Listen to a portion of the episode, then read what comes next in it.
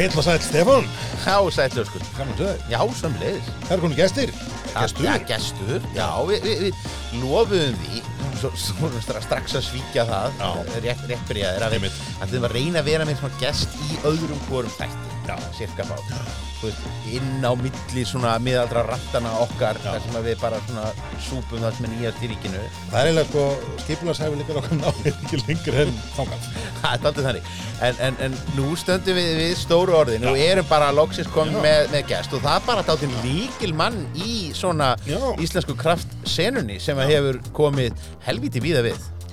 Það er að steini. Það er hann Steini Já, takk Velkomin. fyrir það, takk fyrir það. velkomin, velkomin en, en Ég held að, ég held að sko áður, ég held að- áður leikra haldið Já, sko, einmitt. við, við þurfum að Já. Við þurfum nefnilega að hafa einhvert við þurfum að hafa kistlu hérna og við eigum nóg að því já, já. Sko, ég held að, ég held að sko öllum öðrum ólustuðum að þá, þá sé uh, Steini kannski sá maður sem við höfum talaði mest hér í bruggvarpinu fyrir utan konundur okkar. Já, takk fyrir það. Ég, veit ekki alveg hvernig þetta hljómar en en þú veist, ég held samt að þetta sé eigi síður konurnar alltaf þeirri trú að þeir væri ekki að hlusta og, og, og steina vitandi það að hann, hann lægi nú yfir þessu hvar, hvar, hvar sem hann væri gerandi upp Já. einhvern barinn eða, eða, eða, eða, eða tæmandi úr einhverjum, Já. einhverjum pípum sko. En velkomin vinnur, Já, gaman að takk, takk fyrir það. Já, ég hérna, hef, hef hlustað tölvöld á okkur. Ég skal við ekki hérna, við hérna hlustum oft á podcastinir í vinnu þegar við erum að, að vinna og þið, þið eru oft á, á fónunum, þannig að mjög gaman að ykkur. Þá skýrast, skýrast þrjála þessum tíu hlustunum sem að hérna, afar geggjað. Um, sko markmið okkar með þessum heimsóknum annarkvæmt þátt var að fá annarkvort einhverju bruggara eða með einhverju svona persónuleikundu kannski úr bjórheimum og þegar við komum að, að kraft bjór bylginni á Íslandi síðastliðin, hvað að segja, 12 ár, Já. 13 ár, give or take, veist, 15 ef við teljum alveg frá já, stofnum kalda, já, sko sko. Að þá er held ég kom að segja, svona að, að aftur að öllum öðrum ólustuðum ert þú kannski sá aðli sem hefur svona þétt opnustu söguna samlega þessari bjórsögu. Komið Já, víða við. Já, Komið ég víða við. komi, ég hérna komi víða við, sko. Já, Uh, já, ég fer inn í hennan bransa 2012 þegar átni gæðingur hefur samband og spyr hvort að ég vilji taka að mér daglega rekstur eða vera vertin eða hvað sem maður kalla þetta á, á mikrobar Já. sem hann opnaði eins og þið tölum um hérna í, í þættunum við átna þá var þetta svona lítill sætur eiginlega hótelbar sem vissi ekki hvort hann var í kraftbar eða morgunverðarstaður. Uh, og skreittur af hugleiki dagsinni. Þetta var svona frekar, frekar, frekar komis svona eftir að hekja já við vorum þetta rifið upp að hérna að uh, þar, þar stóðst þú fyrir aftan barborðið og, og hérna messaðir yfir línum Já, það er, það er líka þeirri dörfísi það er enga þólimæði fyrir mjög heimskum viðskiptavinum sko. Nei, sko Nei, það, veist, það þarf að leiðra þetta suma sko.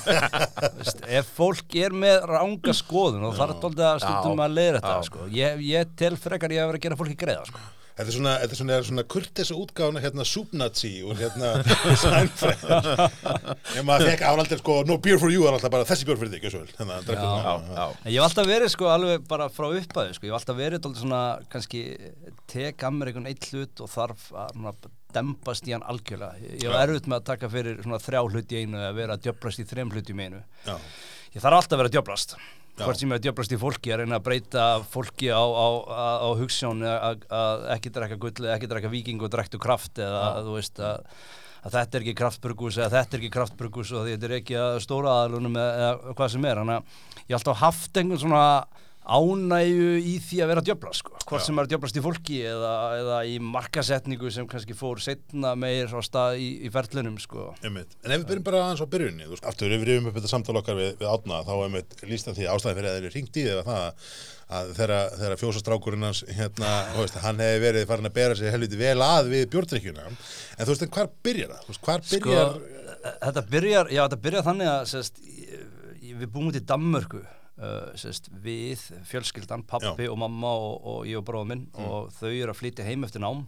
Mamma flyttur á undan heim uh, og þá náttúrulega við erum með tveir dálítið fjörir gríslingar. Hann hafa tekinn þó ákvörðun að senda einnaðum í sveit, sá sem var kannski fjöruðastur og hvert átt að fann í sveit, jú auðvitað sendum við til drikkjufélag okkar út frá Danmarku Já. uh, sem var þá nýtekinn við búinu og það, það var átni Já, og það alltaf mótaði mig og ég mæli með þessu, ég hef viljað senda krakka minni sveit en um að hann alltaf kannski er ekki jafn, guttir að núna í dag og þetta var þá sko. Ekki, batna þrælkun ekki jafn kóser Nei, en hérna, þú veist, maður lærði að vinna þar og maður lærði að átt að segja að þú verður að gangi öll störf. Það þarf að skúra gólun á barnum, það skiptir ekki mál hver gera það, það þarf að þrýfa ælun á klostinu það þarf bara að gera hlutina, þá geng, geng, gengum við bara í þá. En, en er það í Danmörku sem að þú hvernig flyttur heim frá Danmörku? Þú ert á, 10-11 ára ja, þannig að þú kannski ekki tekið bjórmenningunum með það Nei, það var ekki mikið þar. En, en þú veist, en hvernig þú veist, hvar einhvern veginn dettur inn á Grunninn. þessa braut, hvar er, hvar er svona Sko, þitt upp á, þú veist, hvenar Ég teka með starfi í vimbúðunum og er að vinna í vimbúðun í kringlunni 2003, 4 og 5 Já. um, og þá, þar kynnist ég bara mjög mikið af fólki Mm. og góðum vinnum mínum í dag og út frá því stopna ég innflutningsfyrirtæki á samt uh, manni sem heitir Eymar. Þannig að þá voru að flytja inn vín og svo fluttu við inn bjór og annað eins og maður vata alltaf í þessum bransa. Þanga til að bara rétt fyrir kreppu þá seljum við fyrirtækið. Mm. Og ég fyrir að snúa mér að allt, allt, allt öru og tekum bara algjörlega pásu frá öllu sem heitir áfengi. Uh, ég var mjög mikið í rauðvíni og einhvern veginn snýrið alltaf baki við því bara út á snoppinu. Ég var alltaf svona erfitt með snopp sko. Þú veist, ef ég má ráða þá var allir bara í hettupis og því miluðu vel í henni sko. Veist, það er svona, svona mitt þegar í þessu. Tekum mig algjörlega pásu. Þanga til að Átni ringir í mig uh, snemma árið 2012 Já. og ég sé bara síman Átni Útvík. Bara, ja, sæll, hann var svona loði vildi ekki alveg segja nákvæmlega hvað var. En ég man bara eftir ég segði bara já. Bara sama hvað er, já, Já. veist ég til í þetta, og náttúrulega Átni er líka þannig persóna þú vilt alltaf hafa hann í lífininu, sko, það er gaman að þessu sko, það er alltaf endalausar sögur. En þá loksins komuð upp og hann var að spója hann bar Já. og fara með og ég náttúrulega hafði smá grunn í, í vínum og í, í bjór. Já, já. Og þú hefði mitt sendir á mig spurningu hérna, uh, hvaða bjór var það sem fekk mig til að fara út um ljósunlagar Já. og það er kannski eins og hjá flestum sem fara úr ljósunlagar, það eru belgiskölin Já. sem fengum yfir það. Já.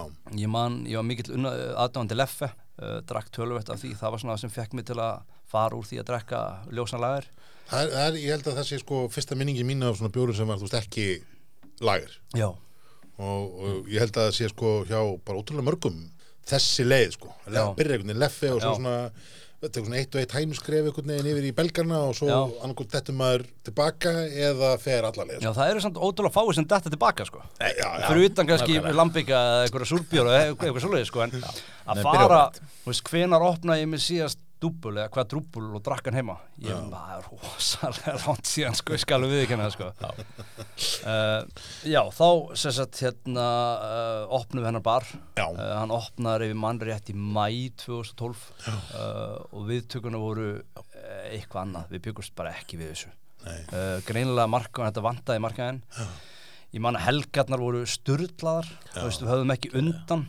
Uh, og svo happy hour og einhverjum undalegum ástæðum þá fannst okkur það mikilvægast í heima að vera með happy hour. Sem er algjör óþarfi. Sko. Og þá fengum við náttúrulega allt alþingi við fengum allan, alla bankana í kring og þau koma allir í happy hour. Og við náttúrulega seldum held í bjón og 500 kall á happy hour og maður var rennandi sveittur að skenka í glös og loksins klárast hour og allir fóru blindfullir heim til sín. Og þá eitthvað svona fór maður að skoða sölutölu bara ókvöðum almáttuður þetta, var- þetta er rosalega lítil tala sko. Og rosalega lítil margina líka í þessu þetta selja hann svona ódýrt sko.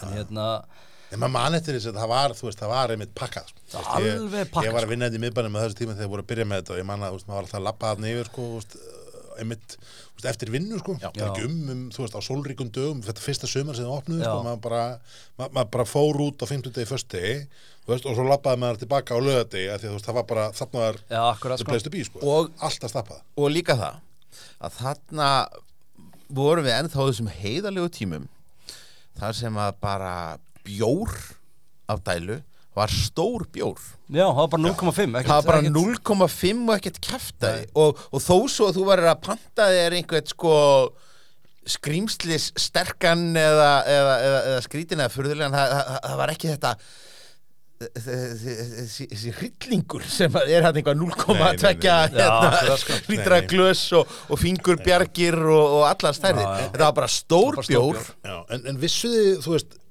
á hvað tímapunkti vissuði að, þú veist, að það væri eitthvað, eh, veist, sérstakt. Við höfum stundum talað um þetta, ég held að, að sko, mikrobar sé, þú veist, ef við segjum að kalda ölfusolt sé einhvern veginn í því að bjórnum fara að koma í ríkið þá myndi ég segja að mikro bara væri, þú veist, bara það sem að breytir bar senun á. Íslandi til frambúðar Ég held ég sé alveg sammálaðið sko og, og spurningin er bara, þú veist, á hvað tíðupunkti fattar það? Eða, þið? Það eiginlega kom, held ég setna sko, því að fyrsta sumar okkur eins og sagði, var, var, var, þetta var bara, þetta var þvæla sko, og við Mm. varum tveir starfsmenn, þetta var ég og strákur sem heitir Ingi Þór, uh, ég kannski hafði meiri bakgrunn í, í bjór, á meðan hann var, var vanu barþjótt og hann kendi mér að dæla bjór skilu þannig að og halda á bakka, það var alltaf rosa mikilvægt hvernig átt að halda bakkanum. Um, en hérna, við vorum bara tveir. Og maður vinna á kokkavöktum veist, tveir, tveir, þrýr, þá vinnur mm mándag, þriðudag, frí, miðugudag, fimmdag, vinnur fösta, lögadag, sundag en svo voru bara tveir og það voru tveir á vakt og fimmtum, föstum og lögatum Já, já, einmitt. þannig að ég raun og veru fegstu frí annarkvæmt miðugudag og annarkvæmt sunnudag annars var allt vastu alltaf á vaktinu sko. og þannig var fyrsta sumari sko. þetta var eh, veist, Þið voru alltaf maður- þarna. maður 260, 280 tíma á mánuði bara í ísili sko.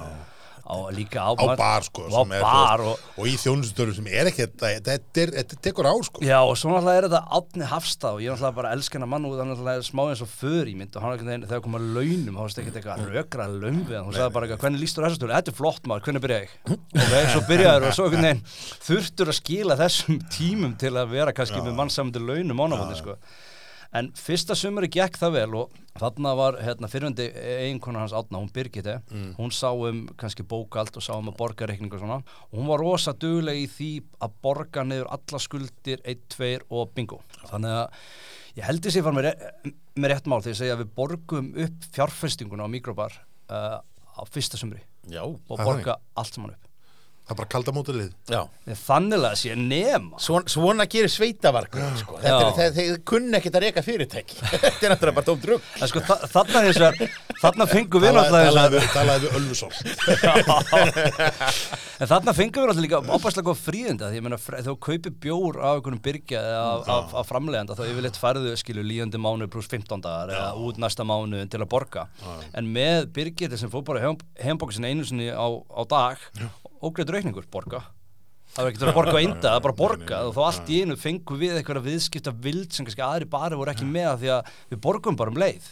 Svo náttúrulega kemur sko fyrsti veturinn. Og þetta er 2012 og eins og ég sagði við ykkur við erum búin að borga fjárfælsinguna upp en sjóðunir eru litli sem engir sko. Og þá kemur veturinn og það er engin varlan í túristi árið Það er ekki 2012 sko. komið sko. Og, og þá einhvern veginn sko þá kom ískaldur uh, á stað og þá var það þannig að, að sem betur verið var ég með opbóðslega látt húsnæðslán og konan í vinnu og eitthvað. Yngir endar var með, var með kannski meiri skuldbendingar, hann fekk alltaf útborga fyrsta. Já, Já, já, við erum, við erum þannig bara. Uh, ég, það voru oft svona vist, ég var að stefna á fymta Helgi var ekki allt og góð tíundi þegar já, ég hef ekkert mál, oft var það svona fymtandi sem Já, launin já, kom inn já, sko. já. en eins og ég segja með, við mína tengingu við átna og, og, og, og frú og þá var ekki neinn, mér var svona sama þetta, var alltaf, þetta var alltaf að koma sko. Þannig að fyrsti veturinn var þannig svo einhvern veginn kemur næsta sumar aftur. Og þá kannski voru búin að læra af reynslunni að eiga kannski sjóði yfir veturinn sem hægt var að ganga á. Og svo alltaf kikka upp túrismin og svo allt í hennu voru við að skora hátt á reitbjör og svo einhvern veginn bara fórit í gang og byrta greinar um okkar út um allt. Og svona nota benið verið að fara að reka einhver stað ekki setja eitthvað persónulega símanumur ég fæ enn þann dag í dag símtöl sko. Síðast í síðustu viku frá Vodafone aðtöku að ég vildi ekki koma yfir til þeirra með allt sem heitir mikrobar ég það er mörg ár síðan sko en hérna ekki alveg Ég, ég, ég, ég held að það hefur allt snúist um ólífurnar. Já. Ólífurnar og, og hérna er, ég, ég vona að svo uppskrift sé einhver staðar til í, Hún er til. í, Já, uh, hún er bara uppkomin frá hérna Birgitta sko. Já, allt og mikill kvítlugur og ólífóli og ólífur sko. Já, sko, fyrsta leginn náttúrulega heitlaðist manna þess að því að þarna að koma eitthvað annað í ljósa lagi bjóra á krana. já, Veist, það, var, það var strax þar varstu komið með, með sko, win. En, en líka til viðbúta var það sko, að, að maður fekk um alltaf á tilfinninguna að þetta væri ekki ósangjönd. nei, Þú veist, það var ekki þrefald álagning eða, þú veist, að maður farað inn, veist, og ég man að maður, hérna, bæði var, sko, rúleri á krananum aðeins, en svo var líka, þú veist, það sem var í búið á flöskum og það sem var í búið Já. annars staðar einhvern veginn, þú veist, var, veist, var í alvöru úrval. Akkurat. Ég man að, að hérna, þarna til dæmis dattinn vestfletirinn. já, talandum vestfletirinn Ó. talandum það, þá Já. ætla ég hérna þá fór ég út í bílskóran ah, og þú varst að tala um hérna þú sendir á mig skilabóð í, Já. í, í, í dag og í gær já, hvaða bjór, veist, ég sagði leffi eða svona breytt mér já, svo ég sagði það var ekki gaman að koma með leffing það var eitthvað svona, þetta var ekki ja, veist, við fulli vinningu fyrir leffi sem er alveg frábær bjór sko og hérna að þá væri nú alveg, fyrst maður er að kominninga það væri nú gaman að koma með eitthvað svona aðeins öðruvísi pínustæla pínu stæla sko, Já. aðeins að sína sig sko. Já. það, maður er ekki alveg þroskaður upp á því sko ok, hvað líka, hva líka, líka mjög vel hvert þetta er að leiða Já, þetta- ég, ég kom með bjórs frá Vestflæturinn Ah. uh, sem svona kannski er einn af fyrstu svona innfluttu bjónum sem myndi að svaka svona hæp Mhm. yfir, þú veist, hann kom á barinn hann var bara uppseltur sama dag Mhm. Ég kom eins og ekki með Vestflæturinn 12 nei, sem er kannski þekktast í bjóna þeirra af því mér finnst hann eiginlega sístur af ég ætla ég bjónum ætla eftir að segja, er það ekki allir smakka Jú, það er einhvern veginn, þú veist, ég myndi fyrir ekki að velja Rossi for Tíu eða St. Bernard eða eitthvað svoleiðis. um, en ég kom með Vestflæturinn Blond ah, sem er bjór sem kannski eh, er kannski ekki, var ekki mikið hann úti. Nei, ég er ekki alveg viss hvort það sé best before dagsetning eða bottle dagsetning á flöskunni já, við, en ég fann dagsetningu við, já, við, við tökum þessu þetta Já. er örgulega bottldagsending því að góðleg Já. forsönu þetta á þessum bjórum geða verkum að að renna maður aldrei gaman út sko. en já. þetta er sett síðan 2012 Já. þannig ég gerir ráð fyrir þetta síðan fyrstu sendingunni og ég hef svona, svona skrifað þetta á mig á mikrobar og farið mig heim sko. það er alveg, alveg potið þannig Ég held að, sérstaklega sko þegar á meðan að, Mikró átti vestfléttarinn sem að datt nú svona ekkit, hann datt ekkit oft inn en það gerðist. Hann stoppaði ekkit lengi var það? Nei, yfirleitt ekki, yfirleitt Kosta- var þetta kostaði samt eitthvað svona þrjú og fimm flaskan eða eitthvað, eitthvað, eitthvað, Já, eitthvað, sko, eitthvað svoleiðis sko. Þarna kemur kannski það sem ég hef meira gaman af í dag en ég hafði þá, kannski lærði það það er hluta, veist, marka setningu, þú veist, við vorum gífulega sangjarnir í eiginlega öllum flöskubjór og kranabjór og þetta var þannig að þú fórst þarna og þú bara, hei, þetta er sangjart þetta er ekki 6 skall flaskan eða 5 skall nei, dósin eða hvað sem er. Þetta var bara, bara, bara ok, þetta er bara, þetta er auð, ráðanlegt og ég er tilbúin að fara á flöskufyllir í veist, þennan första, ég er búin að drakka kranana síðust helgar. Nú ætla ég að fara og byrja bjónum reitt og sjá hversu langt ég kemst niður á hann sko. Um, nema vestfluturinn vestfluturinn leiðuðu okkur sko aðeins herra álegningu að því við vissum að þetta myndi selja sko þetta er og En ég minna maður manni þeirri þessu, þú veist, að- þetta, var sko, þetta, hvað kom tvís og sinnum held ég sem að kom hérna 10 og 12 held ég á, á barinn. E, ég sé mann eftir allavega, en í bæðiskiptin það var þannig að það byrjaði einhvern veginn, sérstaklega í fyrirskipti byrjaði svona að kvissast út að þetta gæti verið mögulega kannski. Já. Og ég manna maður svona að því að, veist, að þetta var einu barinn og þetta var einhvern veginn, veist, nýtt og spennandi, það var hálfpartinn satnaður um það Já. og þú veist, og spenna var svolítið þannig að vera bara ú, gera þetta og ég var einhvern veginn að slá um mig með einhverju þekkingu um klustrið og já, þetta er svona og þetta er Benediktus er bla bla bla eitthvað og, og hérna manni dró þrjá fjóra sko það var vísu perlu fyrir svín hérna, eins og stundu vill verða sko Já, en, en, Já. en þú veist, en mani svo er alveg að veist að hæpið var rumverulegt já Sama við, ég man eftir sko, ég man eftir eh, svona, eða þrýr svona flöskubjórar og finnir allt sem er með vestflætin að þeir sem voru flýtið inn Mm. uh, var Játn og Gler sem heitir núna Jóki Bjór Mm. sem er það sem ég starfa fyrir, þegar maður er bara að loka hringnum, maður er komin bara aftur þanga Já. Þetta helst í hendur, þetta var rosa að finna því veist, það frettist að ég sé að fara að opna hana bar eða ég sé að fara að vera vertin á þessum bar Mm. og þá hefur uh, strákur sem heitir Hrannar samband um mig og segir bara, heyri, ef þú ert að fara að gera þetta þá verður eiginlega að vestla við félag minn sem voru að byrja svona litla deilt þeir eru með mikkelir og eru með eitthvað nokkra brútókbjóra og ég bara, já, ég til ég og ég, við fórum ánga og kiftum bara kassa af öllu sem var framlega fyrir utan einhverjum pilsnir frá mikkelir á því að víst, ég raunverulega held á að pilsnir verið 2,25% það var ekki sens í helvita að ég ætlaði að fara að selja þetta á barnum mínum sko, skal bara viðkynna þá og fá fræði. En annars þú ert kift ekki eitt samt sko. Nei, ég veit Þessi sagt, sko. Einn að fá hans í viðkynna þetta kannski. Já, að ég held að það sé næri leið uh, Þannig að þá einhvern veginn Við kiftum þetta, við vorum tilbúin að prófa allt Þeir voru þá tilbúin að taka Já. meiri sensa Hvað Já. tækja minna, því við Já. tækjum þetta alltaf Þeir stækkuðu hægt róla með að við stækkuðum Og þetta helst alltaf í hendur sko.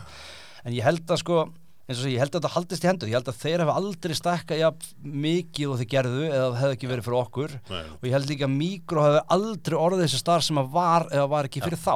Nei, það held svolítið í hendur sko. En en þetta, maður minnistæðustu mómentin eru einmitt svona stóru bjórætnir sem maður kefti þarna í flösku. Já. ég held ég hafi tekið þarna Tactical Nuclear Penguin og, og, og, og alveg kom sem að þegar, þegar það var sko Já. það var svona sem maður hefði bara lesið um á internetinu Já, akkurat Já, já. Og kvak og kvak glös Já, Já, já, alls Þeir, konar, alls þeir konar staðar. loksins náða að snú upp að hendina og skúla í elg til þess að taka í glösin sko. Já, einmitt. Þetta var En Hef, sko, en, en aðeins að þessum bjór Vestleiturinn, hérna, þetta eru þetta, þessi, þessi, þetta klöstur og, og fyrir þá hlustundur sem ekki þekkja Vestleiturinn þá bara er að googla Já. um, stuttasagan er þessi þetta, þetta var á tímabili hérna talið eitt besti bjór og eitt mest exklusífi bjórin í heimi Já. þetta er sérst eitt af, af trappistarreglunum hérna munkaklöstrunum og þú veist, þeir selja bjórin aldrei út og þú skrifir undir eitthvað plagg um það og selja hann ekki áfram en, en þarna kom smá tímabil upp úr 2010 það sem voru að gera við klaustrið og það opnaðist eitthvað svona söluklukki þar sem þetta datt allir í vestlandi bæði Belgíu og, og datt svo hinga Já. heim. Í dag er þetta heldur þannig ennþá þú ert að panta tíma þú veist, þú ert að gefa þetta bílnúmerið og mátt fara í klaustrið og kaupa bara að, já, ég hef búin að heyra þessi þessi sögu Þessi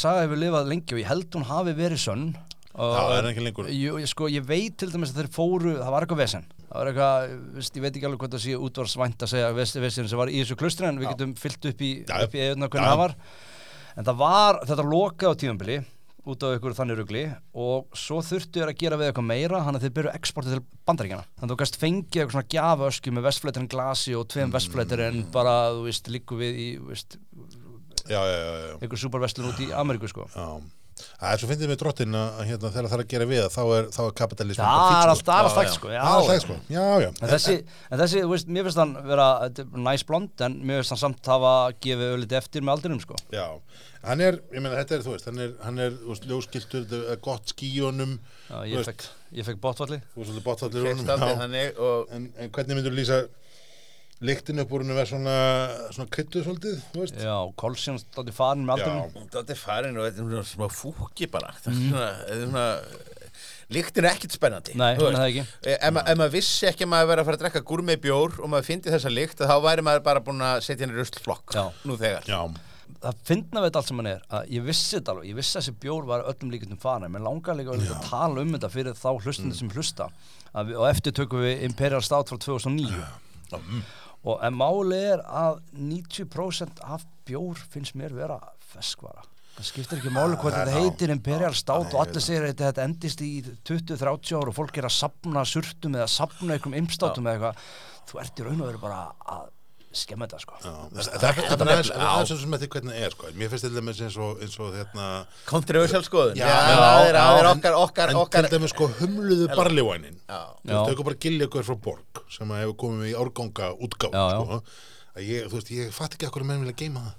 Nei, veist, bæði náttúrulega er í flösku sem að, þú veist, einhvern veginn, hann tendist til að oxast einmitt og, og humlandi dopna og Já.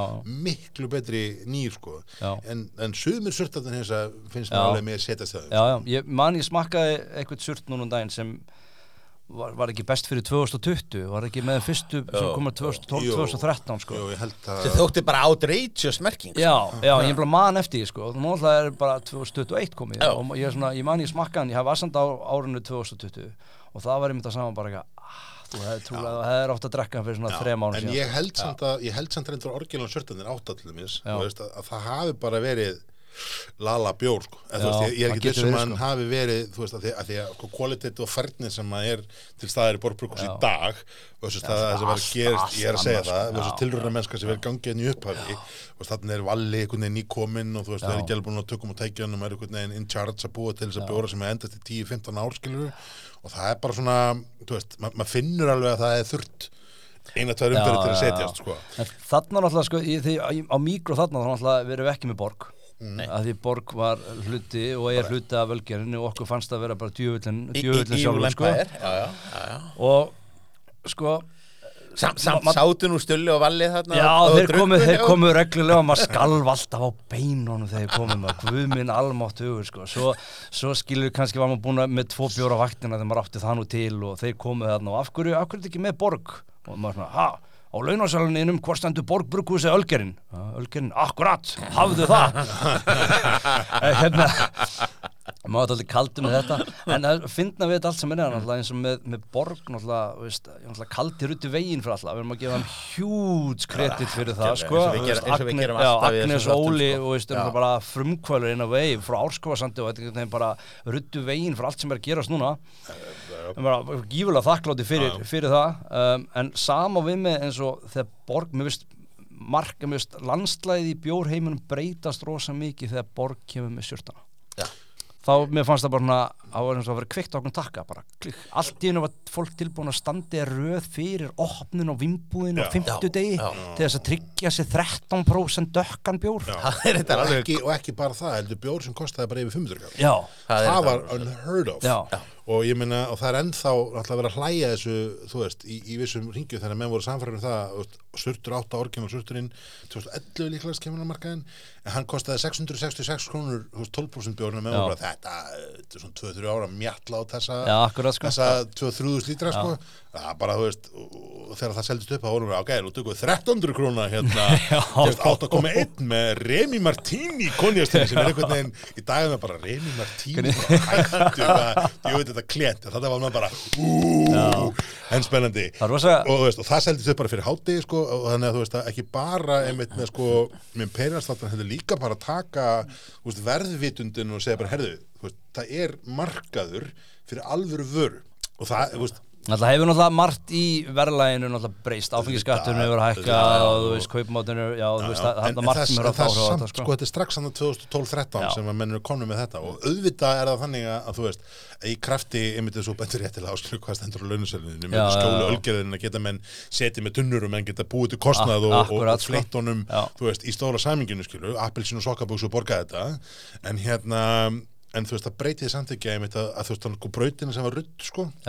Að þá er þetta, kaldi er eitt, veist, en verðpunturinn af þessu er heldin já, annað, sko. já. En sko við, við, við það- skuldum nú eiginlega vestfréttirinn samt einhvað aðeins meira heldur en að segja bara þessi vond líkt á hann sko- bræðið á honum er bræðið á honum er nefnilega, Miklu þú betra. miklu betra Já. og, hérna, stað, sko. og það er alveg, þú veist, alveg rétt að það er auðvitað að fara að dopna og hér er komin alls konar svona, maður finnur hérna öldrunna Maður finnur öldrunarbráðin, sko. Já, En þú finnur það sem mér finnst mestvunabjór, þó ég hef fengið mest botfall á svona, það sem mér finnst mestvunabjór er svona elegancy, þannig að Það er er er hann rosalega smooth, clean, Mjög fló, það er smooth.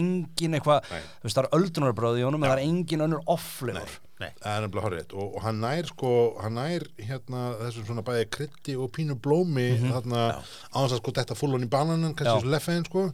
En, en nær þessum svona söll blómatónum sem að, hérna hefur einnkjönd oft þessa belgísku klustubjóra Já. sko. og þú veist, og einmitt, þrátt fyrir öldunumbröðin þá horfum maður á þetta og hugsa með sér, vá hvað þetta væri gott Ímyndar að þetta var bara alveg fest það. Þú myndir held ég ekki get, eða, ég, fyrir minn persónulega sem að gæti ég ekki fundið betri blond Ég Nei. hugsa ekki, ég sé ég man ekki eftir að smakka þennan ég smakka tóluna og ég smakka Já. tíuna Já. um, en Þannig að við, við erum bara með góna og vittlusan vestfréttirinn allan tíma Mögulega, Gæti verið. mögulega. En það var margt sem við gerum hana á mikró sem var svona kannski svona smá breakthrough, við náttúrulega byrjuðum með sko eiginlega með kynningar, ég veit ekki hvað þið muni eftir þessu ekki, en náttúrulega þarna kom Átni Hafstað aftur með, með eitthvað svona nöfn og eitthvað svona gaman heitt en þarna vorum við með þessu hétt stútur undir stýri Já.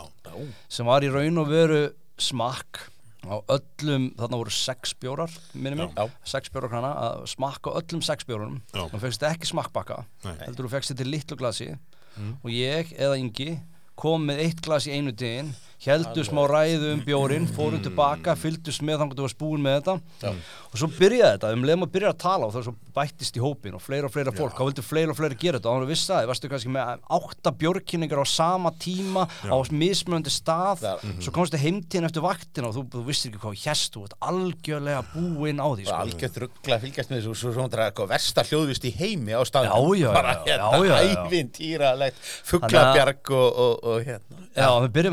Og, og, og og þetta gekk svona ljómandi vel og þetta vakti mikla lukku og, og, og ótrúlega gott fyrir viðskiptin sko, því fólk kom hana aftur og fór að læra eitthvað um bjór og, og, og fór að hata stórurísana og helska litlu burgu sínu sem var, alveg, var kannski markmiði þá, sem er alls ekki, ekki í dag. Nei. En, hva, hvað erstu þetta lengi? Ég er hann í fjör ár Já, og með þessa kynningar þarf einhvern veginn fara á flug og það enda með því að ég tala bara átna og segja bara þetta gengur ekki upp, þetta er ómikið sko. og hann var sammálað því og þá byrjuðu svona kynningar út úr húsi Já. Og hann bara sagði bara stittum út bara í Þú veist, gera svo vel. Og þá byrjaði ég svona 2013 með svona bjórkynningar í heimahúsum fyrir Já. vinnhópa, fyrir fjölskyldur og búin að vera að gera það svona on-off eða alla tíð síðan sko. mm -hmm. uh, tekið mér svona nokkur ári pásu Uh, er bestu giggin er þegar Stefán Páls tvíbókur sig og ringin í mig. Hæ, hérna, eitt í þessu, ég er búin að ringja alla aðra. Þú ég held, held alltaf í þessi síðast á listum, getur þú tekið þetta? Já, ég tekið þetta, bara geggja sko. Þú ert ekki að síðastur á listan, þú ert mjög ofalega á blæði en, en, en, já, já, en, en hérna, þá byrjaði, þá byrjaði þessi fyrir svona þannig að sé, svona þessa, þessa kynningar, það vart alltaf upp á sér á, á, á sko, tímabili var ég með meiri pening út af þessu mánu en ég var fyrir að standa vaktin á mikro sko. ok. Uh, þetta og var en þið voru í þessu. Og áður en allir voru í þessu en hérna, já, svo bara held mikro áfram ég var hann í fjör ár uh, svona á, þegar ár tvö var búið þá loksins myndaðist eitthvað samkeppni. Já, kemur skúli. Þá kemur skúli kraftbar Já. uh, opnaði náttúrulega bara í húsinu við liðin okkur. Já. Uh, ég man þá við hugsaum okkur bara ok, hér er komin einhver samkeppni við erum á okkur morgun vera stað sem við þurfum að sko fjallaga allt og setja upp seriósi eftir vakt á föstudöfum og eitthvað en hérna við þurfum að gera eitthvað og við einhvern veginn að koma þessi hugmynd bara eitthvað keep your friends close but your enemy closer sko, veist, þessi, þessi pæling en ég man bara þe- þegar voru að opna þá bara fór ég yfir minni mig Cantillon Fouffon flösku eða eitthvað alveg, bara hei til með opnuna hérna gjör þessu vel, liðu staffinu að smakka og þeir eru öll með 30% afslátti á okkur. Já. Og þá allt í hennu fengum við staffið yfir og þá allt í hennu var þannig þeir eru náttúrulega svo mikið beisar og borg sem við vorum ekki. Þannig að við gáttum verið að benda fólk á heyrðu, þetta leita surti, já hann er þarna farið þangað, þeir bendu fólki á okkur af því að við vorum, þeir voru kannski ekki með frá öllum litlu burgur svona, þetta var náttúrulega mikið var þetta fókusur á borg Það var sko. eiginlega bara borg sko. Já, Eh, Það var kannski, þú veist, með skúla þú veist, sko skúli dagar auðvitað og mikró einhvern veginn svona eru þessar vöggur sko íslenska kraftbjörmenningar á börum já. að, að öðrum börum og löstuðum aftur. En sko í upphafi skúla þá kannski var þekkingin bak við barborðið ekki ekki mikil. ekki brjálæðislega Nei, mikið sko. en sko það má ekki glemja heldur að, að, að þekkingin bak við barborðið til að byrja með mikro var heil, heil, heldur heil engin sko, við komumst bara upp með það af því að það voru svo fáir sem, sem vissu sko. og þeir reynda, þeir reynda réðu freysa hérna björbókina hérna bjórmatu núna hérna inn sem sko svona bjór sérfræðing Já, það var nú einhver titill sem, með, ég, veist, ég elska freys og allt svona, en ég skildi aldrei þetta að vera með einhvern En bjórmeistara. Ég held samt að hann hefði verið bara, þú veist, ég held að sko strákarnir sem stopnu þetta eru sömu, sömu görurnir og, og hérna erum við Kea Hotels núna og eitthvað svona Já, já. og, og, og hérna hérna byggi hérna trámari dimmu sem Já, var það fórstu sko. í Símans, nei hérna postin segi ég Postins, já og svo Steppi Hressi hérna, þú veist, bara kom basically úr bara íþróttakennslunni í neskustad, þú veist Já. og parkeraði eisnaflug í Rasvarsan og fór að reyka sko. bar í Reykjavík Akkurat, sko. og þú veist, og ég held að þeir hafi bara einmitt, einmitt átt að segja það fljótlega ef þetta á að vera eitthvað svona kraftbjóra stemningsstaður þá þyrfti að hafa eitthvað sem að sem gæti basically sagt Já. um eitthvað til og ég held að Freysi hafi ég veit ekki hvernig hann kom hann inn eða hvernig hann kom til en allavega einhvern veginn var hann og ég held að hann hafi verið sko ég held að hann hafi verið partner hann alveg, alveg lengi vel sko Já, ég, ég þekki það bara ekki nóg vel sko.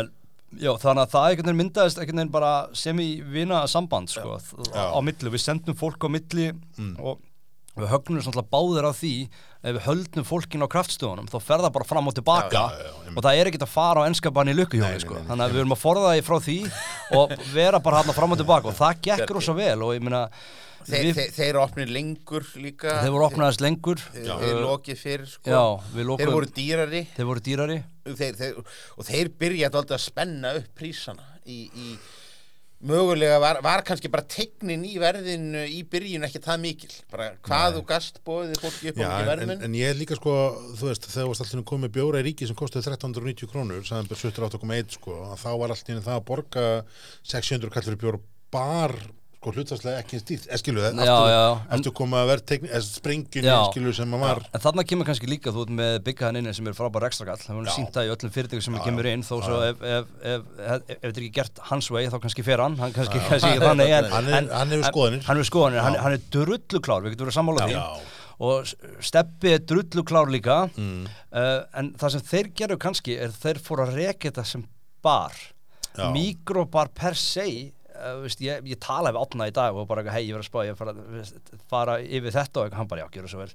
En mikrobar per se það var ekki, þó svo að ég fekk einhvern titil eitthvað rekstur, ég vissi ekkert um rekstur ekki græna hugmynd, skil ég lærði bara að halda bakka frá ynga og dæla bjór og svo eh, veist, hef ég alltaf verið til að góður í kjaftinum en ég get ekki kjafta mér veist, inn í eitthvað sko.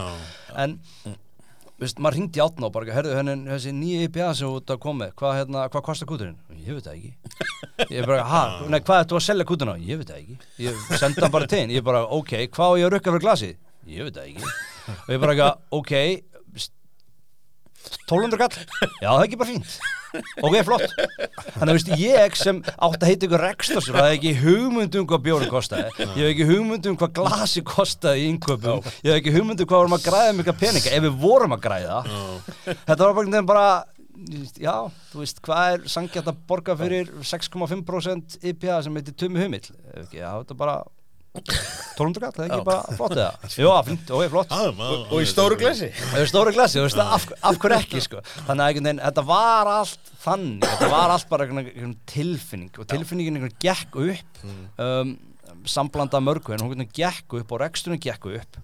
En ef þú ferði við einhverju grós margintölu og mikrobar og spólu tilbaka þá held ég að hún sé að veist, gali lág sko Já, já. en ég held líka að starfsmannakostnaðan hafi verið sko í sögulegu lágmarki allan tíman Já, já. ég, ég, Ég, ég var nú með pubquiz fyrir ykkur og ég held ég hef alveg fengið bjórum kvöldið. Já, já. alveg, alveg Við, við, við, við byrjum að þessu líka sko. við byrjum að fylgja viðbunum, við vorum með já. matar og bjórparanir, við vorum með eitthvað smakkvöld í manni Eirun í dreyið fram Já, í þessu, já, já og við hérna vorum með frík 5 Bóta og Henrik Karl Ellertsson sem alveg. var svo allt í hennu samstarfsmaður minn í, í, í keksbrúing og, og, og, og hverjuskutinni, hann var þá á spýrunni og ég hef búin að kynast aðeins, búin að kenna eitna, á grillnámskum hjá hann, mm. hann allt í hennu komið mataparnir, við mm. höfum strákanir í játn og gleðið að Jóki Bjórn til þess að koma að vera að kynna mikil og brútokk og þetta var að sama það poppaði upp eitthvað svona Facebook memory hjá mig bara nú um daginn, það er mér fór að skelli hlæja það var eitthvað PDF-skjál sem ég hafi eða skilur Word-skjál sem ég hafi sett einhverja myndir inn og vista sem PDF að ég vissi það átt að gera það svaka flott.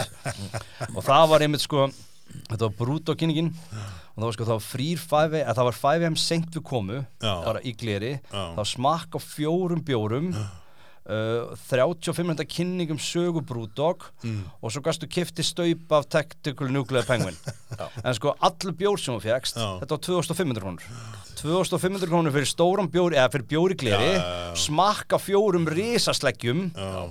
og fyrirlestur þetta er náttúrulega verði í dag, veist, ég sé bara Stefán Páll sem var rángfólur augunum og bara, ó, guðminn almáttu, aldrei myndi ég selja mig svona Nei. sko En, en, en er þetta ekki, var þetta ekki hlutið sko, af sermanu, að hvort það var svona gaman að það var bara, þú veist, það er fuck it, við gerum bara eitthvað, já. höfum bara gaman. Það er ekki bara núna 1, 2, Jú, 3 jú, og þetta var bara eitthvað, ok, græðum við ekki á þessu, nei, en word of mouth, þú veist, við, það er eina sem við vorum veginn sammála þegar við settust niður í átna, þessi örfá fundi sem við áttum ekki um eitthvað, eitthvað, eh, veist, svona meaningful varðandi hennan bar og hvað við ætlum að gera með hennan bar, Já. að það var word of mouth, ef við stöndum okkur vel, þá frettist það. Þetta gæti orðið erfitt, fyrstu veturinn var skelvilegur, við höldum áfram á okkar grein, allt í einn frettist að við verðum the good guys, við verðum litlu gæðin sem er á móti stóru risón sem er búin að taka allt af okkur skilur og eitthvað, eitthvað svona þannig fílingu sko.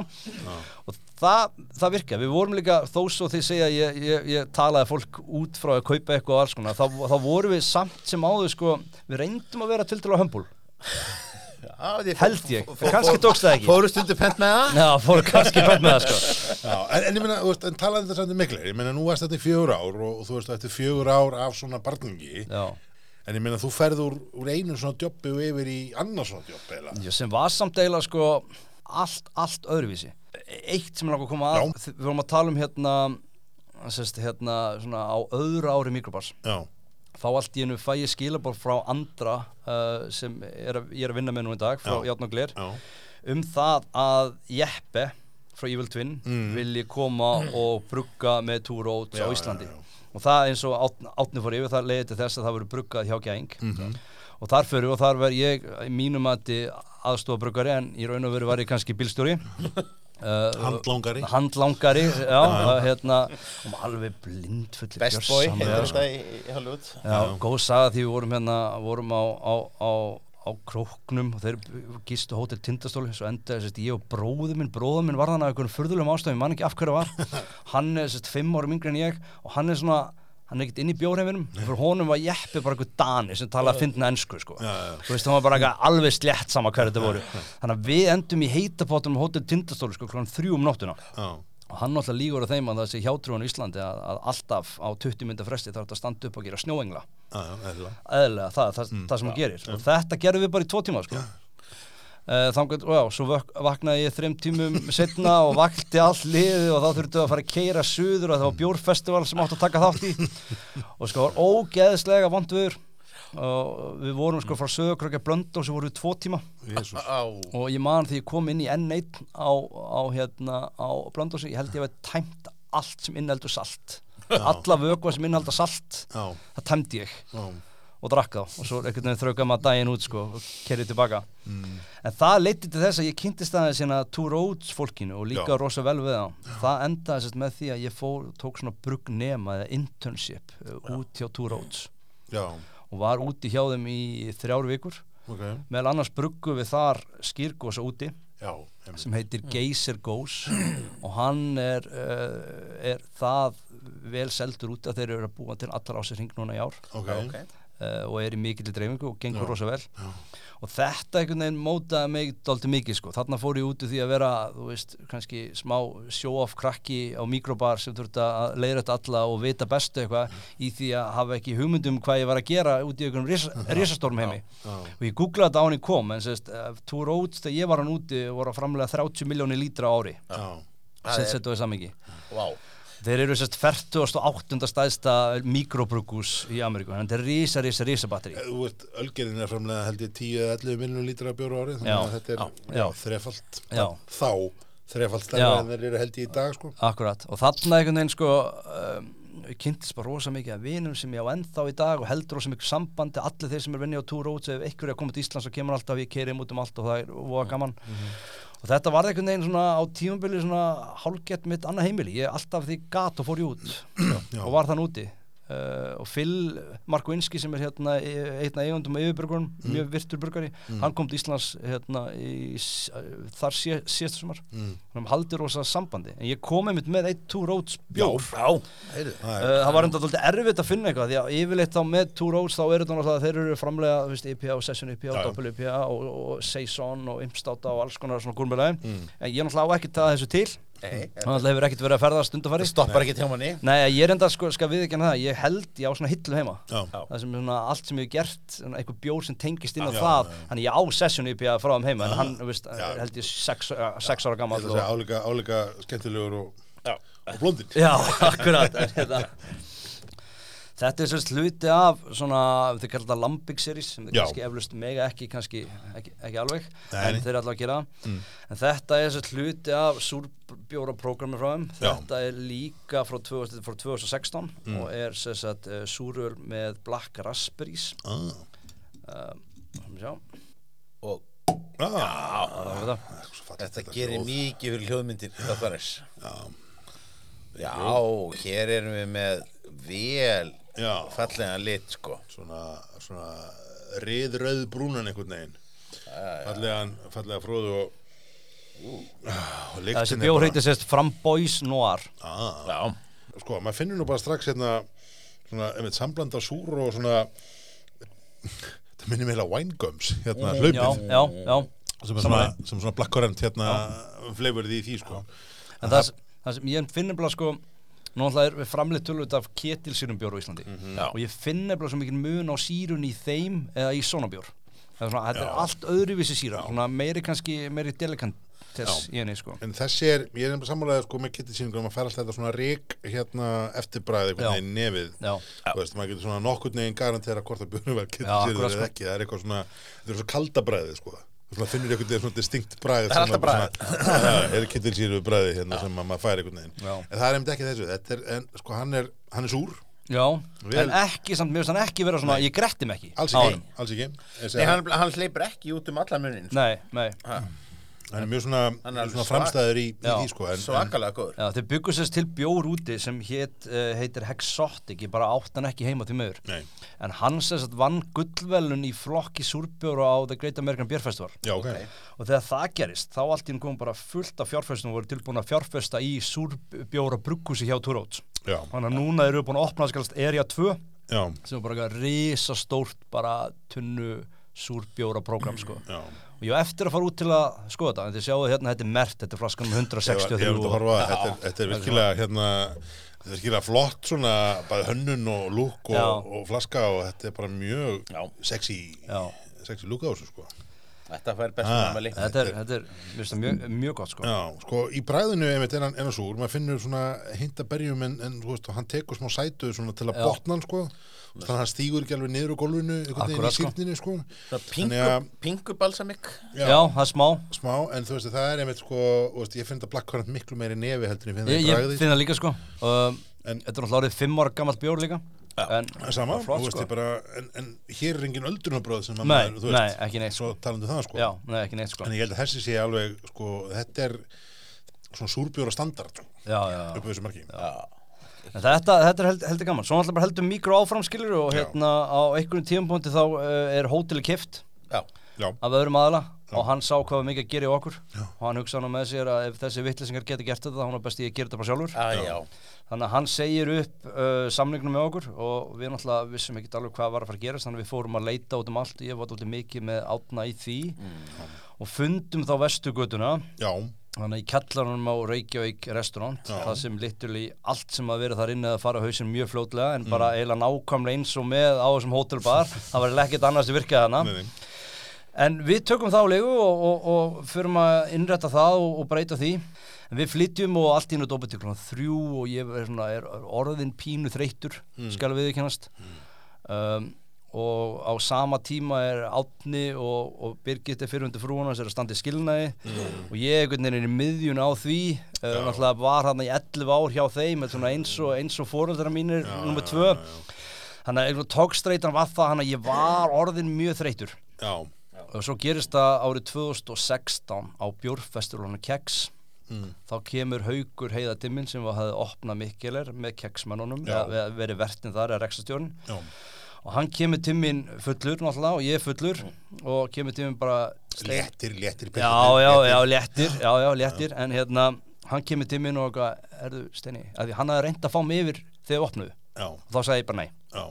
Og hann hérna Hvað var það búin að vera opnið lengi á, á Miklulir? ár kannski. Já, var það svo lengi? Já, það var svona ár held ég uh, held ég, sem ekki 100% ég held að vera svona alveg örugglega ár.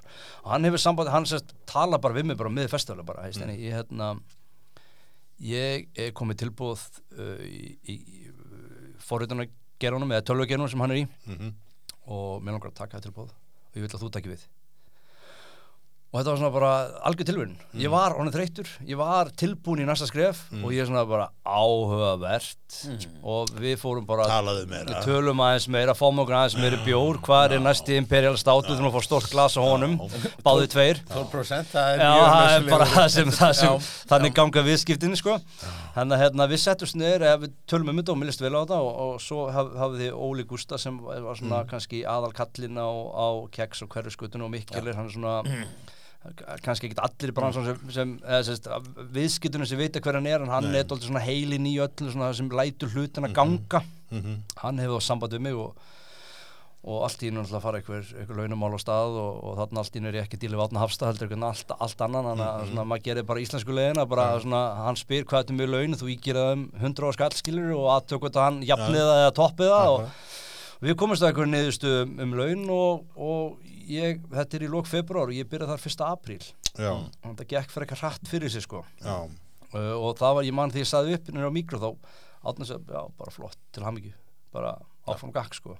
Já Það var ekki, það var ekki, það var engin leiðindi Það var ekki Nei, það var, engin leiðindi. Það var, ég held að sko mikro hafi þurft eins og ég seldi átnætti, ég bara ekki, ég þreyttur, ég þarf að breytingu halda Já, og þarf ekki mikro bara á breytingu halda Nei, líka, við erum búin að vera hann með fjögur ára með saman en er ekki fínt að fá nýtt blóð inn og nýjar áherslur og, og, og skilur þú getur kannski, þú getur kannski að fara að stjórna aðeins meira að ég veit, ég veit að þú vilt það, sko, hann er gaman að því en þá fer ég og tek við, tek við Mikkeler og, og sem fyndi að þegar maður skoða þetta, mér finnst ég hafa lært mest megnið um bjór þegar kemur á mikró þegar kemur á rekstur og stað Já. þar er ég basically allt á já, Mikkeler er að díla við ykkur að Dani. Já, og Dani náttúrulega geta verið opbóðslega erfir og þverir. Já, skamma mann fyrir að gera eitthvað á viku 35 sem átt að gerast á viku 37 maður bara, hvað minn almáttur, hvað er að ykkur sko en hérna þar, viðst, allt í hennu fór ég bara að lifa í Excel-skjali sko og, og, þá fór mér það og þar líka sko kynnist ég þá kannski nýri leið af eitthvað svona markasetningu. Og þarna kannski kviknaði það sem ég tek sem með mér aðeins áfram. Já. er þetta svona öskrandi in your face markasetning? Við látum við vita af okkur alltaf non-stop, það eru viðbyrður endalaust. Við erum alltaf að djöblast í öllum. Mm. einhverjir fór ná á okkur. Já, en það eru svo margir aðri sem sjá okkur og koma og það var, þetta var Keks Brewing var náttúrulega frábært. Haukur náttúrulega, ég tek við frábært bú af Hauk. Haukur náttúrulega er trúlega einn mesti bjórnörd Íslands, hann veit margfald meira en ég um bjór í dag og, og vissi þá, og, skri, og skrifar á netinu. Já, skrifar já, á já. netinu og, og hérna, medium.com ef ég maður rétt þannig að- núna já, hann var, var hann eitthvað vínotek og Jú, eitthvað? hann var skrif, byrjað þar en ég, segi, ég held að sé að skrifa núna greinar á medium.com en ef hlustundur á að googla, Já. þá bara að googla það, Akkurat. það leikur sko bungjast að Alveg- fyrir hann. allir hlustendur þess að þáttar vita hver aukur er. Já, kannski, kannski. já. En, en, veist, en, en, en, en menn hafa áhugað að lesa um bjór og úttektur af bjór og heimsóknir þannig veist, ég held hann ekki, alveg séð brugghús að færa hann svona að skrifa fæsluna, sem er fínt, sko. Sem er bara flott, sko. Bara flott, en, en þú veist, en það er liggur eftir hann bungjastöfi sem er hérna margt mjög flott, sko. Já, akkurat, ég sko. ger mig farað að lesa allt sem ég kemst í eftir Já, hann, ég skil bara ekki af hverju hann er ekki veist, veist, af hverju eitthvað stóru brúk sem er ekki búin á hann en hann var kannski meiri bjórn nördum en þarna kem ég kannski meira inn allt í, í rekstun, rekstun hafi verið frekar erfur og mikilvæg til að byrja með en var að komast yfir hallan og var að fara upp alveg mjög mikið upp þegar ég tek við. Þannig ég fæ rosa mikið kredit fyrir að hafa lift honum upp en í raun og veru þá var hann á leiðinu upp sko líka. Já, já, bara af, aftur þetta sem gerist með þessa bari að það tekur svo langan tíma að rata inn á reytingsíðurnar og, og, og, og sérstaklega upp á túristan að gera. En hérna, þetta, þetta var, þetta var, vola, þetta var rosalega lærdom stríkt að ég byrjaði okkur vöktum svo allt í unni var starfsmannakostan að koma niður og því veltan var komin upp og það fór að ganga betur en ég fór bara einhvern veginn í sem er 9-5 starf allt í unni og þetta var rosa gaman. Uh, ég var hérna að vinna með mjög góðum vinum minnum þá sem Henrik Kall Ellersson hann var hérna niður á pizzastanum já, já. Og, og maður kynntist rosa mikið fólki og þetta var opaslega gaman og þar einhvern veginn kviknar einhver brjálaðslegasta hugmynd í, í, í sem bjór heim uh, eitthvað sem enginn vissi eiginlega hvað átt að vera, hvernig átt að vera svo fórum við einhvern farveg sem eiginlega ótrúlegur það er þetta Keks Brewing já. Já. En, ég meina, en þú er ekki til þess að, þið meina nú varstu kannski búin að koma þér þú veist í sambandi við Two Roads og þú veist það var ég meina þú veist þú, þú ert með þú kannski meiri bruggþekkingu heldur en hinn hin hefðbundnir ekstra stjóri á bar. Já, og veist maður bara velti fyrir sér þú veist að því aftur að því að mikil er annar svona kannski þú veist ef Roads er þú veist í, í, í vestur þá er þú veist mikil er eh, stóra í austur sko þú veist að að þú veist kýtlaði ekkert að reyna að koma sér meira þar inn Í bruggun? Já, til dæmis. Mm, nei og gera það ekki enn þann dag í dag sko. Ok, um, ég hef gaman að fræðunum bak við brugun, ég hef gaman að bransanum, ég hef gaman að veist, í dag starfa ég hjá brugúsisleis influtningsfyrirtæki sem við kannski förum í betur á eftir. já, og ég hef rosa gaman að því sem ég er að gera nú í dag uh, og vera að vera djöblast og, og, og, veist, og hafa gaman.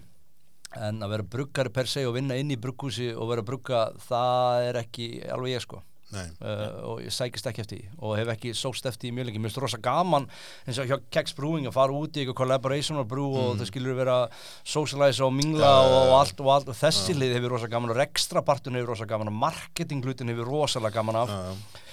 Ég hef gaman að sölu hlutunum líka en bruggun per se er ekki eitthvað sem eh, heilla mig sko Nei, En ok, þá tökum þá keksbrúing Þú Já. þú, ég meina, aftur þessi hugmynd kveiknar þá um Já. keksbrúing í tengslu þetta mikilvægin frendsæfintýri Já, og, já. og einhvern veginn kekshostelið og það allt saman ég var fyrsti maður til að réttu pönd og segja ég vil ekki vera bruggunum það er þannig? já Ok, varst ekki eini maður þá Uh, jú, sko við vorum, við vorum sérst, þetta, var, sérst, þetta var gegnum sérst, fyrirtæki sem ég átti með honum Hinriki Karl og svo Eimari Já. uh, sem hitt Bjóragetíman við sömdum þannig að við kemum inn með mann rétt, rétt tæp 30% eignur hlut í Já, uh, og við vorum hana þrýr og svo var Tóti sem var hérna rekstastjóri á veitingastæðanum og Sæmundur í Sparifötum Já. Kex, hann kemur inn í þetta líka og þetta eru við fjórir og svo náttúrulega Kex gengið Mhm.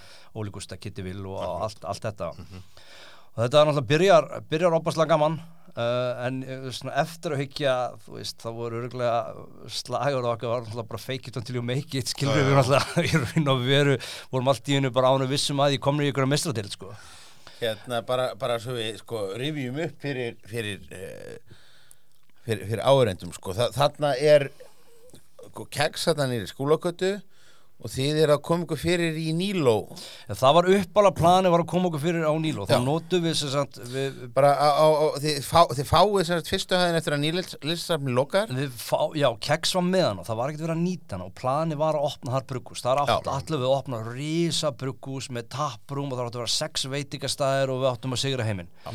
Það gekk ekki upp Nei, uh, mjög fljótlega gekk það ekki upp. Um, en við gemdum gömlu heimabrugsgræðuna sem við áttum, uh, gemdum þar sem voru 100 litra græður með gerjun og töngum og öllu því og settum svona testbrugg á stað. Svo endaði þetta með því að við fyrir að kontraktbrugga. Já. og þá byrjum við að kontraktbrugga hjá einu bruggur sem við þykir gífulega væntum í dag. Og það er Jón Ríki. Sem að, að fæstir eh, hlustendur þess að þáttar hafa drukkið beint frá vegna Já. þess að þeir hafa aldrei kert sig um það að selja fyrir utan skaftafélsísluna nema, nema í kontrakti sko. Já, og það er hérna við byrjum, þetta er bara náttúrulega rétt í höfn í Hortnafyrir, það er tokki við stjórnvöldin uh, algjört gull af manni, ég held þú finnir ekki betri mann uh, hann, hann, hann, hann er ótrúlegur bara svo góðhjartaður og góður og flott. Og allt sem hann segir stendst og þetta er bara sjaldan sem að finnur svona mann svona sent á lífsleginu sem að bara, vá, ok, þetta þú, þú, þú er legit gekki á náðungi og þú veist, ef, og hérna, ef þetta er heimi bænum eru þau bara bestu vinir, sko. En hérna við byrjum að kontraktbrugga þar, þetta er náttúrulega svo galinn hegðun sko, við náttúrulega brugum, Mm. svo kerðum við heim og svo kerðum við aftur og höfn til að kúta, kerum heim með kútana, þetta eru 300 lítra græður, þetta er algjörlega gali rekstra mótel alveg gjössanlega. Og sko þegar maður horfður tilbaka á þetta og bara hvað vorum við að hugsa, en það, þetta meikað allt svo mikið sens þegar við vorum að gera það sko. Er er þetta ekki, er þetta ekki bara tæmlega fjögur tíma akstur á austur? Já, höfum þetta fimm og veist, þurftuð ekki að ráða hefðu þið ekki þurft að ráða Ásmund Friðriksson? Já, veist, jú, jú. Það er verið eitthvað. En hérna, svo einhvern veginn náttúrulega inn í keksbattinun er þetta æðislega bjórfestival, keks já. bjórfestival sem bara stækkaði og stækkaði og stækkaði. Og það sem gerist er það að allt í einu eru konum fullt af ellendubrökusum og að því það vildu allir koma. Það er nefnilega málið menn fengu bara flugmiðan og gistingurinn á hótelinu og þeir komu bara með allt rastli Já, sko við, þetta var þannig að við fengum bjórinn gefins frá Burgursson múti Já. uh, við borgum sko flug fyrir þá og gistingu Já. og, og, og skemmtum okkur með þeim skilur þú veist, þetta var, þetta var geggjað og svo getur frettist það út á mínu loka ári til dæmis á mikil og keksfestunum þá er ég að fá tonn af e-mailum frá okkur Big Shot Burgusum á steinnatkeksshostel.is bara, hei, má ég það vera með í þessu festivali Já. Og allt í hennu varst þú bara sætasta stelpan í bekknum sem allir vildu leika við sko. og þetta var, og svo allt í hennu kemur keks brúing hann inn og allt í hennu verður við allt í hennu, veist, eitthvað lítið ekki einu sem brugghús, eitthvað lítið faralsbrugghús með fólkinni, sérst, í brúnni var ég, þú veist, gamall sveita strákur, skiluru, fjósakall þú veist með Eimar skrifstofumann og Vá er þá, þú veist með rekstastjóra á pítsastað í Hinrikall og rekstastjóra á einhvern veitingastað á, á hostili í Tóto, allt í hún voru við eitthvað að spaðarni, sko. Þannig að veist, þetta var, þetta var bara, veist, þetta svipað og tekur bara þrótt í fótbolta og bombar í bara beint í 16 úrslit í meistardeltinni, bara að gjöru svo vel, hérna ertu komin. Uh, þannig að þetta var...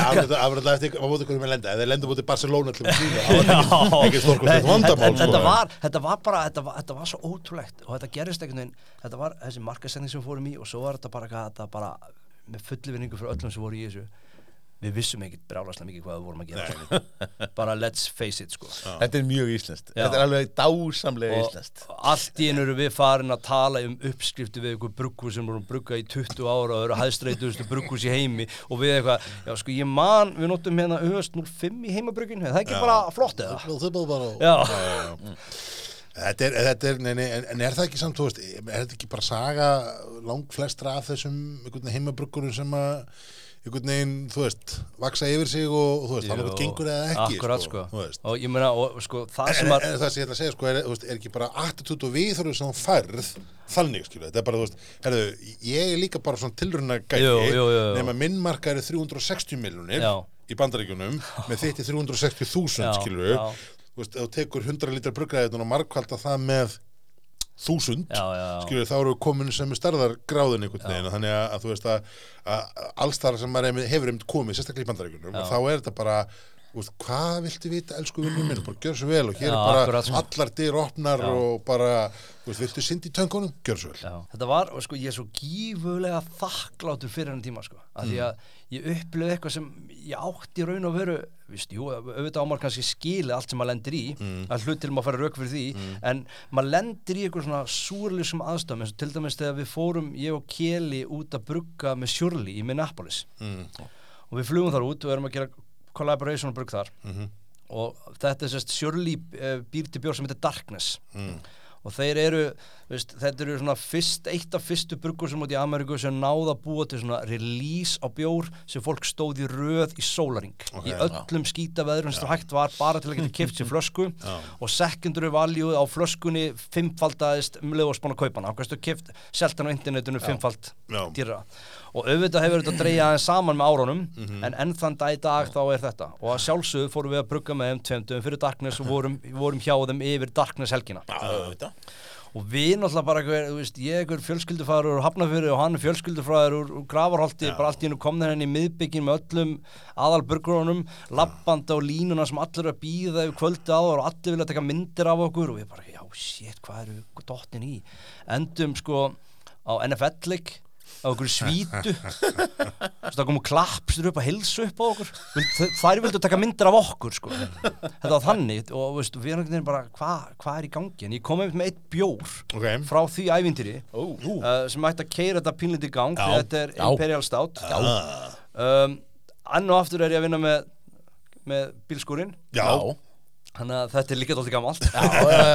En kostur við imperilega státur í það? Að við munum finna minna Við munum finna, en þetta er, sest, þetta er frá 2009, Já. uh, Darkness frá 2009 Já. Hann er að skora ef ég man rétt fjóra, fjóra slags Þannig að þetta er svona, svona kannski pí, pí, pínu fræðar ljómi í þessum bjór einmitt. Já. Þú þart skúritaskerfi á bílskúrin sko eftir, Já. þetta, eftir þetta fyrir loftið Já. sko. bara, svo- eða, eða fjarlæga heimilisongi bara hratt úr, úr símaskrani Já. Uh, þetta er hérna En það eru tilsest við duttum, ég var náttúrulega byrjaði þá að kynntist ég og þetta er aðeins fyrr en, en kynntist þá náttúrulega enn betur þegar við vorum úti Já. og svo byrjuðum við náttúrulega bruggum hennar bjór hann úti og þá náttúrulega þurftum við einhvern veginn að flytja hann inn og þá gerum við það í gegnum uh, játn og gleri eða jóki bjór já, Já. Og ég er náttúrulega blind fullar út seg, segjum þetta bara nákvæmlega eins og þetta var. Og náttúrulega með, með, veist, með upp á mér nefið við markasfólkið hann og sagði bara ég tek tvær pallettur á þessum bjór og svo vill ég fá bara alla darkness sem ég kemst yfir og allt, allt rerstöfið Já. og enda náttúrulega með því að taka, taka eitthvað símtal til þeirra bara, herðu já, þetta eru svona þetta eru svona sjö pallettur sem átt að flytja inn með öllum áfengiskattunum og allt svo og ég kaupi þessu bara jafn, jafn óðum að þér, það er ekki bara í góðu og einhvern veginn söður já þannig ég grínast átt með þegar það var svo ráðum inn núna í dag til þess að reyna að losa gamla byrðir sko. Um, en hérna þetta var eitt af því sem fengum. Þá fengum við minni mig eh, átta mismöndi árganga og, og þetta, þetta er sá, sá elsti. Þetta er sem sagt Darkness uh, Russian Imperial Stout bjórin Þetta er hérna stórflaska uh, Það er eitt sem ég veist alltaf að fyndið við bandarinska bjóra Það stendur ekki hvað hann er sterkur. Nei, nei, nei, eða Það stendur þessu 750 millilítrar já, eða þú veist one pint. Já. Að hérna uh, en það stendur ekki hvað hann er sterkur. Mega er mér að segja byrta Já, ég held, hann, sko, ég, minni, sko, ég var að skona undaft bara til að undirbúma smá fyrir þetta vittal og mér minnir að þetta sé í kringu 12% Já. Hvort séu 11,5 eða 12 Já, um, Þeir eru yfirleitt ekkit mikið, mikið herri en það. Nei Svona í lúkinu á það er þetta bara, veist, hann er úr dökkur, hann er með þessa svona brúnleitu sterku fróðu eins og enginn oft þessa imperial staðbjör og henni lyktinni, þá finnum maður strax svona, veist, það er hérna það er þessi svona ristun, það er þessi pínu svona likuris, svona svona kaffi fílingur en það er samt svona sæta þarna líka einhvern veginn sem að, þú veist, Smá, finnur smá fyrir oxun líka já, en, en hann Smá en ekki, ekki, ekki mikið samt? Já, ég finnum ekki, ég finnum ekki miklu oxun í lyktin allavega en, en hérna hann er meira frútti í bræðinu heldur en ég held er það er svona oft, að þeir vilja oft vera svo þungir svona í ristuninni og, og Þessi er tildulega léttur sko. Hann er, hann er, já. Það er svona miða við að meira spönk í honum heldur en ég átti vona Að- sko, lyktin á honum er þingri heldur en Já, já. Sem er svolítið merkilegt, alla sammála hérna því, alveg öfugt sko. Að það er því mjög gott. að því ég er eldri maður en þið sko, þá, þá veit ég alveg hvað þetta er. Þetta er, þetta er hérna brún tökkurkarmela Já, já. Það er, er missur núna í þessu þetta að tengja öll brauð og alla lykti við nammi. Og helst gamalt obskjúr nammi. Nammi frá nýjönda áratöknum bara til þess að börnin finni til smæðar sinnar þegar hún hlusta á þáttinn sko. Þetta sko. alltaf, nú var hérna Gerard er hættur hjá Sjórli og var að, var að stopna sitt eigi svona, svona sveita brugghús eitthvað út í raskati. Uh, hann, ætlar, og, hérna, hann sendi mig skilabá fyrir held ég hálfa ára síðan bara þegar COVID er búið hvort að við nýri Malbygg vildum koma og vera hann í viku og brugga með honum og gera eitthvað, eitthvað glens og gaman sko. Gera. Og ég, ég vona að gangi eftir að, að það gerist, en það svo kom COVID og allt, allt, já, já, allt stoppaði allt sko. í, og maður einhvern veginn man ekkert eftir 2020 það gerist ekki neitt? Nei, nei, það er hérna en, sko, ok, þú veist, þú ert þarna keksbrúing, þú veist, þú, þú kemur einhvern veginn, þú veist, að- að þeir- að- þetta er eins og þetta sé svona stepping stone, ég, þú veist, ég man eftir þessum, þessum síðustu bruggáttíðum, síðustu bruggáttíðum eins og þú helst um, ég man líka að þú tilkynnti með það að þú væri bráðum bara hætta hjá keks einhvern veginn kjölfarað á þessari já, já, uh, þau stóðum vorum spjalla saman á þessari tiltöknu Já. Og ég man að ég var mér fannst að, ég var hissa vegna þess að þetta var einhvern veginn búið að vera að, að mínum að þetta var þetta vaksandi þú veist, Mm, mér fannst- einhvern veginn keksbrúing ég myndi svo réttilega bent á, þú veist, það var alls konar töff sambund sem að voru einhvern veginn að myndast þú veist, þeir voru að fá alls konar cred fyrir Já. það, þú veist með það að þið ættuð ekki brugghús og værið ekki sko. skilur, þú veist, einhvern fixed position en væri svona gypsy flakkarar og kollabarar, sko, að þá fannst man einhvern veginn árangurinn vera veist, þú veist, segja þróttur í, í 16. úslið meistardildarinnar þú veist, þeir voru samt að spila svo Barcelona, sko já, já, já. og hérna og, og hátíðin einhvern veginn þú veist, var vaksandi þú veist, mér varst, mér varst hún alltaf meira og meira briljant eftir sem að einhvern veginn leið á já. húsin náttúrulega gjörsanlega sprungið sko. Já, það var alveg það- bara, eh, vill til að bruna eftirlitið átti ekki að leiða þetta um sko. en það er ekki neginn, sko, við lærðum sko, ég var, ég var með þessa bjóráttið ég tók með þessa eitt ár svona, kom ég að uppsetningu hérna, uh, eftir á þegar ég var hættur. Þá þegar þetta kom í ægiskari þá hérna, heyrði Óli Gústæði mér, Óli Gústæði með svona Alltaf fyrir mér er með svona svipan svona samfæringakraft og átni hafstæð eitthvað, hann ringir og maður, maður er hættur og, og og, viðskilnaðan var kannski ekki svo allra besti þó hann hafi ekki verið vondur Nei. og ég ég bara eitthvað, já ég gerir þetta, ég gerir þetta bara Og svo- bara hérna, svo bara, og ég ætla að borga fyrir þetta eitthvað, já, já, ég hef ekki sér krónu sko, ég seldi heldur aldrei nei, seldi heldur aldrei neina rukkun sko. Þetta er hérna ég er með, er með hérna símaskránin minn, það er einn maður sem heitir hérna, mann Helgi óþólandi sölumæður stendur bara, stendur bara óþólandi þú veist, og bara ef, ef ég svara síntalinu það kostar mér bara 150 skall. Að því að, sel, að að hann er bara, veist, hann hefur þennan sko blessaður, herðu Gústa hérna, ég með hugmynd hvernig mærist, eða skilur. En það. Sem er alltaf líka við, við Óla er það, hérna, hann þú veist, þó að svo hann var komin í mjög háa stöðu hann allstaðar, veist, sem svona kannski aðal kallir í brunni á mm. öllum stöðunum þá var hann er svona dúer ég fíla það í fólk sko, ég fíla e, veist, ef hann hefði bara setið fram að tölvu verið að öskra alla, þá hefði maður verið svona bara eitthvað, ok, þetta er enn önnur þessi típa. En hann var, hann var fyrsti maður í skítagalan sko, og bara tilbúin í þetta sko. En, en, en, en aftur þetta að, þú veist, að þessu, skilur, þú veist, það er ykkur uppbygging, það er eitthvað að gerast og, og þú veist, og þið eru manni fannst allan utanfrá værið það farnin enn á árangri en, en Já. svo, þú veist, svo dettur þið út, svo hættur þið þar Já, sérst, það er náttúrulega rosa margt að gerast bak við tjöldin um, og sem tengist kannski smá hverju skull tólf og tengist líka uh, pínlítið, sérst, við vorum þrý rosa góði vinir í þessu, uh, ég, Eimar og svo hinni. Og það breykast hans upp í vinnskapnum þar. Ok. uh, og það kannski tengja mér það, ég og Eimar er, er búin að vinna rosa lengi þannig að þú veist, við vissum nákvæmlega hvernig við áttum að höndla business saman. Á meðan að eh, hinni eða Hinrik hann kannski kom var nýrri inn í hann hóp með okkur og þetta er svona á þess að fara ykkur smáatrið þetta kenda manni smá, svona, það getur verið erfitt að fara í business með vinum. Við vorum ekki alveg sammála um hvert þetta átt að fara, hvernig átt að gera þetta og svo framvegis. Nei. þannig að það var kannski mér veist viðskilar minn við fyrirtæki sjálft ekki vera kannski hafi verið eitthvað slæmur Nei. en það var kannski aðalega viðskilur við vinn minn Já, í, í Hinriki Karl sem var leiðulegu sko. fjölskyldur okkar voru góða sérst, mm. konur okkar góða vinir og börnur okkar léku saman og, og það getur köttast á allt það sko. og fyndi að segja fyrir því að við vorum sko, vinnir í vinnu vorum við hérna vorum að fókus má áfengi síðasta lögadag heima á mér, ég bauði öll, öllum í mat og þegar Andri nýri vinnu var búin að fá sér segjum áttabjóra þá einmitt kom hann til mín og sagði bara eitthvað, sem bara, held ég þessi dagsatt hann bara, Steinn nú þarf þú bara að hitta hinna fáðu bjór sem endar í tíu. Svo farið að gráta svo knúsist þið. Og þá var þetta eðlilegt, það er ekki bara flott. Og ég er eitthvað svona, jú, allir það sé ekki bara held ég einu lausnin í þessu sko. Þannig að ef þið sjáu mig og hinna og kunum bara verið að drakka bjóna og erum grátandi, bara ekki trublóku upp sko. að einhverju fallegu. Já. Æ, kannum við stjála það en, hérna, en ein- eins og ég segja að business og vinir geta verið flóki og alls konar tilfinningar í þessu sem, sem eru leðilegar Já. Uh, en þetta bara fór eins og þetta fór og það er ekkert sem hægt er að breyta í því. Maður lifur og maður lærir. Uh, og ég held að, að, báðir aðalar sjá eftir sinni hegðun. Ég sé eftir minni hegðun, hann sér held ég eftir sinni hegðun og, og þetta fór eins og þetta fór sko. Um, en svo náttúrulega gerum við annað á miklu sem ég er gífurlega stoltur af. Það var líka bara rétt árin hætti. Að þá náttúrulega eins og segja við vorum steitnat kekshostel var allt í eitthvað svaka e-mail sem, sem öll burgúsir þekktu út um allan heim að, hérna, að þá sendi ég tölvupost á Alchemist upp í Vermont sem búið til einmitt bjór sem heitir Hetty Topper. Já. og senda á það bara, hæ hæ, heyr, þetta er staðan. Ég menna mikil er bara, mann langar að vera með eitthvað can release. Uh, má ég uh, kaupa pallet af ykkur og ég ætla að flytja hana kelda frá Vermont til Maine og ég ætla að flytja hana kelda uh, með skipi til Íslands, ég ætla að geima hana í kæleikum í Íslandi, beint inn á barinn í kæleherbyggi og beint til kunnans og þau bara eitthvað, á, til í það. Og ég er svona, ok, áhugavert. Þannig ég náttúrulega hafði samband við eina fólki sem ég tristi og og sem kann þetta sem ég átn og gler eða Jóki Bjór og þeir að reynsu þessu öllu og græðu þetta Já.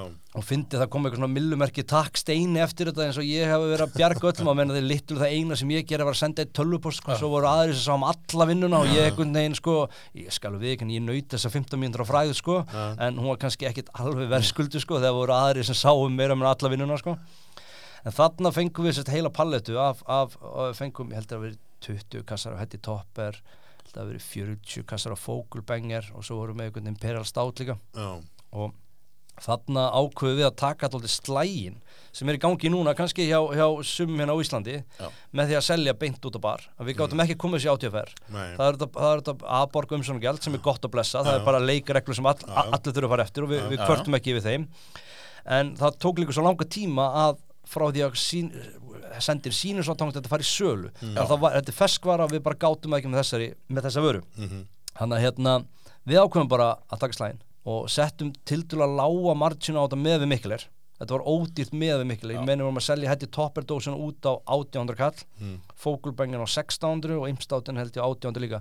Sem er 1800 kall virðist vera rosa mikil peningu fyrir bjór en nú spáir í þetta við erum að kaupa þetta frá Ameríku, við erum að kæla þetta flytja þetta flutt svo áfengiskattur er svo barverð. ég man við vorum með svona í kringum 500 krónar álegningu á hverja dós. Þannig að það er ekki, er ekki Sem er meira klink. sem er klink sko. þetta var aðalega sjóf, ég var með lögfræðing og spýdæl Mhm. bara ef við hittum einn á síman þá var lögfræðingur í næsta húsi sem var bjóra á og kall var tilbúin að koma. Ok. og svo náttúrulega byrjum við að kynna þetta fram og tilbaka eitthvað, hey, can release og þorlagsmessu við ætlum að opna klán 12 og eitthvað svona gaman og það var allir svona, ok, hvað heldur að gerist sko, veist, held, heldur, ok, þú selur kannski hetti topperinn upp á þorlagsmessu Mm. gerum ráð fyrir því, ég bara, hey, strákar, þetta, þetta, þetta mun fura upp, sko, þetta er, þetta er, það er, það er ekki, ég finn eitthvað á mér. Klokkan hálf tólf leiti út um gluggan, þá var ég svona að gera klárt fyrir opnun, þá var svona 40 manns í röð fyrir utan bar að býða eftir að kaupa dósabjór. Tvær mínútur yfir tólf voru þessi 20 kassar og heldi toppnir hornir Mhm. klukkan fjögur um daginn fekk ég tölvupost frá fjármálastjóra Keks Já. sölutalinn á Mikkelir, hvað er í gangi ef verið að fiffa eitthvað, hvað er að gerast? Því að klukkan þrjú um daginn þá er ég búin að opna í þrjá tíma var ég búin að slá sölumetti þá klukkan þrjú um daginn ég held við um enda í þreföldum eh, toppum stæðsa daginn um, Já. um, um 300% Já. þetta var alveg galið sko og þetta er rosalega gaman að fá að geta gert þetta og líka einmitt þetta, þetta er sem ég er svo gaman að afnúin það er búa til eitthvað hæp og búa, Já. veist, búa til eitthvað svona það sem markarinn er að leita að og hoppar á, verður að fá uh, mér finnst þetta rosalega gaman ég er rosalega gaman að þessu sko. um, en já, við, ég sést hérna þetta klárast og nýtt árið 2018 Uh, nýtt ár gengur í garð. Uh, já, já, þá er hverfis geta 12 að ströggla dóldi mikið. Já. það er mikil niðurskurur og ég hef búin að skera niður eins mikið og ég gat plúst að það var ekkert allt í góðu bak við tjöldin heldur Nei. eins og ég var að segja við ykkur á það voru svona, svona smá dilemma svona fram og tilbaka en þannig er ég sérst mér finnst ég verið búin að skera miklu niður í gjössamlega ekkert nema skinn og bein. Og þá er ég beðin um að skera meira niður og þá bendi ég mig á það að ég með allar exatölun ég sé að Mikkelir, að mínu mati Mikkelir er, er í góðum málum mm. þetta var aðalega pizzastafurinn niður sem Já. var, var kannski að smá blæða peningum sem var svo hipp og kúla, hann gæti ekki haft nafn Já, já, en þetta er samt sko, horfum að svoleiðis að þetta, var- þetta er mín skoðun, þú veist, ég, ég, þetta er bara tölus eitthvað Já, sem, sem já, ég sá, já, ég veit já, ekki já, hvort að já, það getur vel verið einhver að segja að þetta hafi ekki verið rétt um mér. Þarna var ég beðin að skera meira niður og ég var búinn að skera staffið mitt sko úr 100% starfi í þetta, ég var búinn að taka fullt af tíma, ég var búinn að gera alveg endurist. Já, Og þarna bara, nei, ég ætla ekki að skera meira niður. Og þá bara, ok, þá þarf þú að fara á eitthvað vaktir, eitthvað vaktaplan. Nei. Það er bara, þú veist hvað það þýr. Já, ég veit alveg hvað það þýr. En verður þú, þú þú líka gáðar, hvað með uppsagnabrið, eða sérst, segðu mér upp rétt fyrir mánumót, þannig að þú eru ekki að borga mér auka mánuð, sko.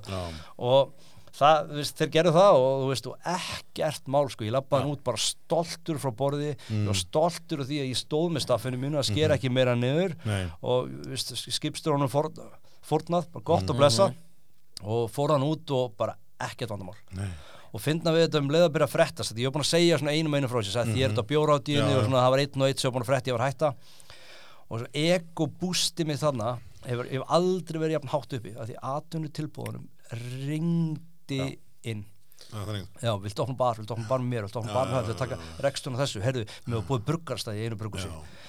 og það er ringdi allt saman inn og þetta var ógeðslega spennandi tími Þetta er náttúrulega túrista bombu Alveg tíminn, sko. algjörlega, allir að fara að hoppa á, á veitingastað og þar hafa sérst hérna, hefur Ölfusholt sambandið Já, og Ölfusholt Það var reynda þáttið óvinnilegt tvist það þessu var smá tvist sko og, og hérna ég hef get sagt rosa margt um það og ég get alveg opnum aðeins, aðeins, aðeins með það. Mér fannst einhvern veginn Ölfusholt á þessum tíma vera að hafa starfandi á mikrobar. Mm. þar sem Ölfusholt var alltaf með 1, 2, 3 krana og söguna bak við bjórin alltaf með allar þessar bjórkynningar söguna bak við Ölfusholt það er rísa saga hana uh, hún er sorglega mjög mörguleiti Við sko. Sko? rakið hana ítrekkað hérna uh, Ásta í kannasins, Ástu hún var að vinna hana og allt í hennu var í þau hjón var hún komin þannig þá? hún var komin að já, það, já, já, já. hún var alltaf, búin að vera í fæðingálu og alveg meira minna síðan að byrjaði sko. voru, Já, hún og Berglind voru þarna komnur hérna alveg rétt Já, þetta var sérst Berglind, ég ætla nú ekki að nefna einu öfn en, en hérna Berglind og, og Eiki maður hennar voru þau sem voru kannski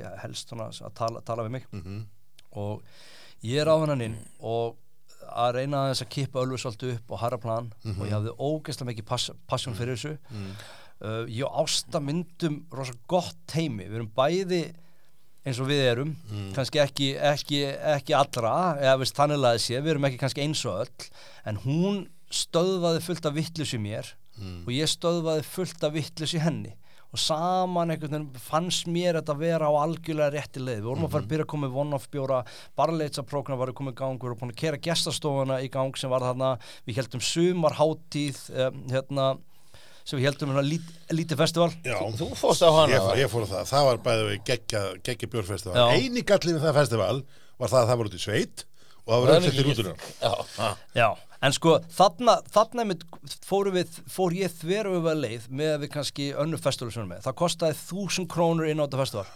Þúsund krónur. Já, Við seldum, þrjú eða fjörundur með það og það var bara til að svara kostnaði. Já, já, Það bara fyrir rútunni, það var bara fyrir að koma einhvern brugglum til staðar, að Mhm. kaupa einhvern teppi og smíða eitthvað, búa til einhvern pall og eitthvað smá hljóðkerfi, bara Mhm. rétt basic. En svo eins og það, þú komið fólk út í sveit, það er ekkert að fara fyrir að rútan fer Nei, og svo opnar þú barinn. Það var fjör. Þá er fjör. Ég mann því, aftur, nema ég þurfti að vera bíl. Já.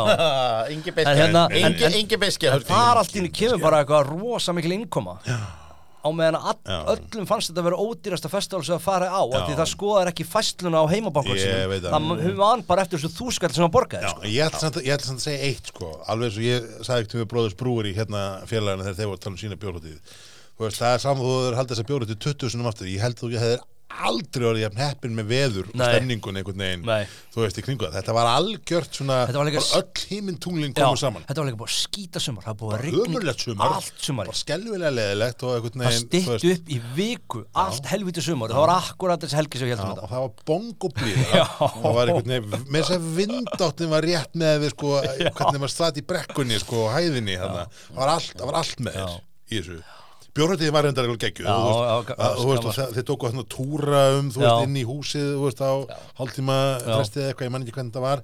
Og svo satt maður hann úti og þú veist, maður var einhvern veginn að smakka bjóra og eitthvað og svo hefði maður datt maður, þú veist, að byrja á barinn og svo var ekki, var ekki hérna smiðjan í víka Með hamborgarna sem voru alveg trilltir sko. Og það var einhvern veginn bara- tónlistatriði inn í tónlistatriði, hérna, þetta þetta bara, veðrið, stemningin, maturinn, bjórin veist, allt byggsiða þetta var, var algjörlega perfect. Já, ég, ég, ég er ekkert auðvitjúkur hérna. Þetta var rosa gaman, en svo einhvern veginn sko svo uh, náttúrulega klára sumarið og, og ég var búin að koma ölfusólti á fullt af krönum út um allt og var bara duglegur að djöblast í fólki og held þessari sömu markasetningu og ég var með með keksbrún ég, bara, ég spammaði social media. Ég bara eitthvað, Freyja er besti kveitibjóri heimi þú verður að kaupa núna. Þú veist, farðu og kifta, þú veist, við fór, fór alveg alla þessa leið. Um, sem kannski ekki allir eru sammála en þetta var alltaf leið sem við tókum. Hún, hún, hún skildi sér í mikill aukningu á, á sölu. En svo einhvern veginn uh, var mér sagt upp eiginlega bara eins og þrum og heyrskýru lofti.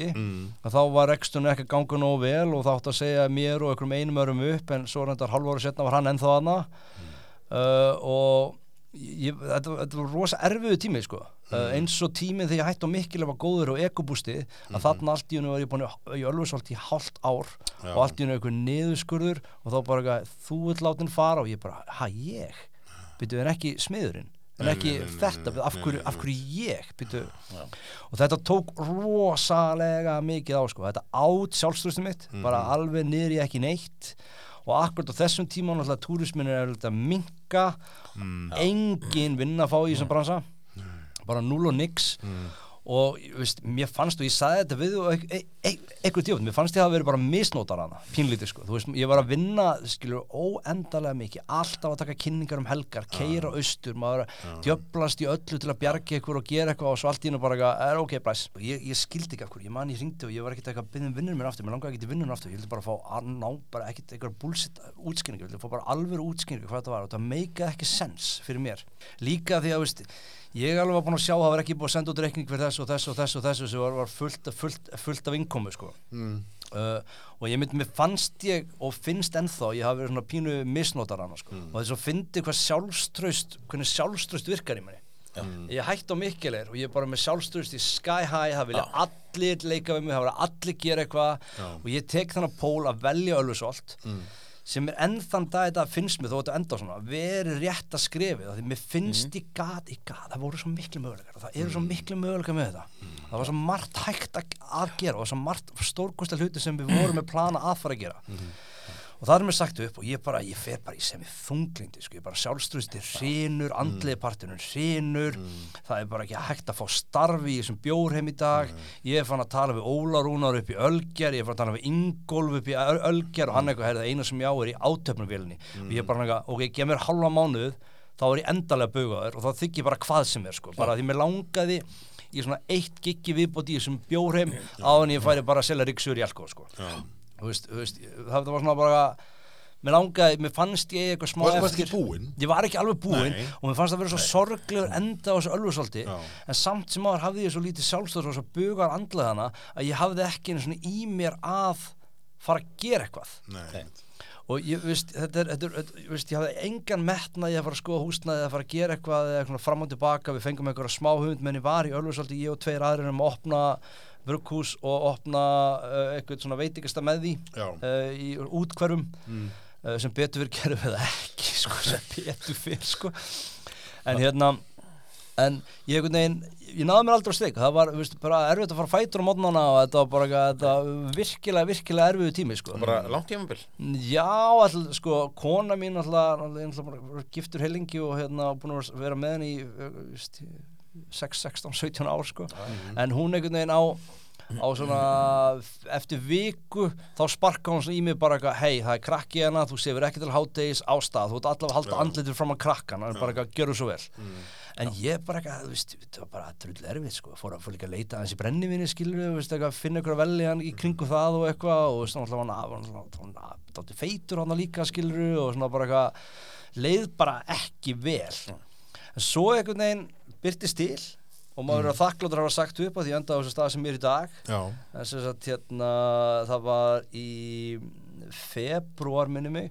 Og svo var það gali að því að ég geti með öllusalti að ég sótti ekki um aðdurlusbæti strax að ég var svo vissum þegar maður sagt upp bara þetta verður bara alveg eins og ég hætti á miklu Já, þetta verður bara átt um allt.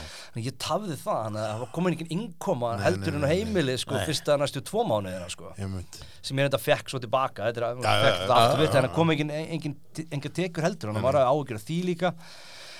En svo hérna í mm, byrjun februar þá fæ ég símdal frá Andra hjá Jóki Bjór mm, og sem við höfum náttúrulega að tala tölvut um það fyrirtæki núna í dag. Mhm. Sem, sem ég var í viðskiptum við til að byrja með í mikró og, og, og það var út af þeim sem ég fór út í Two Roads og ég var að vinna með þeim þeir voru að flytja mikil Já, líka ég er basically búin að vinna með þeim eða kaupa af þeim vöru og vinna með þeim í þessum bjórheim bara síðan ég byrjaði í honum mm. Tíu ár. í tíu ár og þetta eru við erum með saminu vinahóp skilur þetta eru vini mínir í dag og skilur og allt svona. Allt í hennu fæ ég símdal bara eitthvað herðu hérna getur þú hitt, hitt á mig og Inga? Og ég er svona já, já, auðvitað, bara hvenar "Ja, nýju fyrirmáli, já, bara flott, það bara hljóma mjög vel. Og ég fyrir ekki að tala við konuna bara, herru, hérna, Jóki Bjóru er að ringi mig, já, hvað held, heldur þú sé? Ég, er örgulega eitthvað bartengt eitthvað. Mm. maður að í það aftur eitthvað? Ég, ég veit það ekki.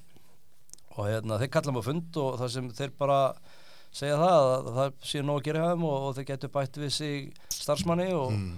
og, þetta var kannski öðruvísi og, og hérna ég náttúrulega bara sagði já á staðnum sko uh, og hérna byrja hjá þeim uh, 1. mars 2019 Já, mm.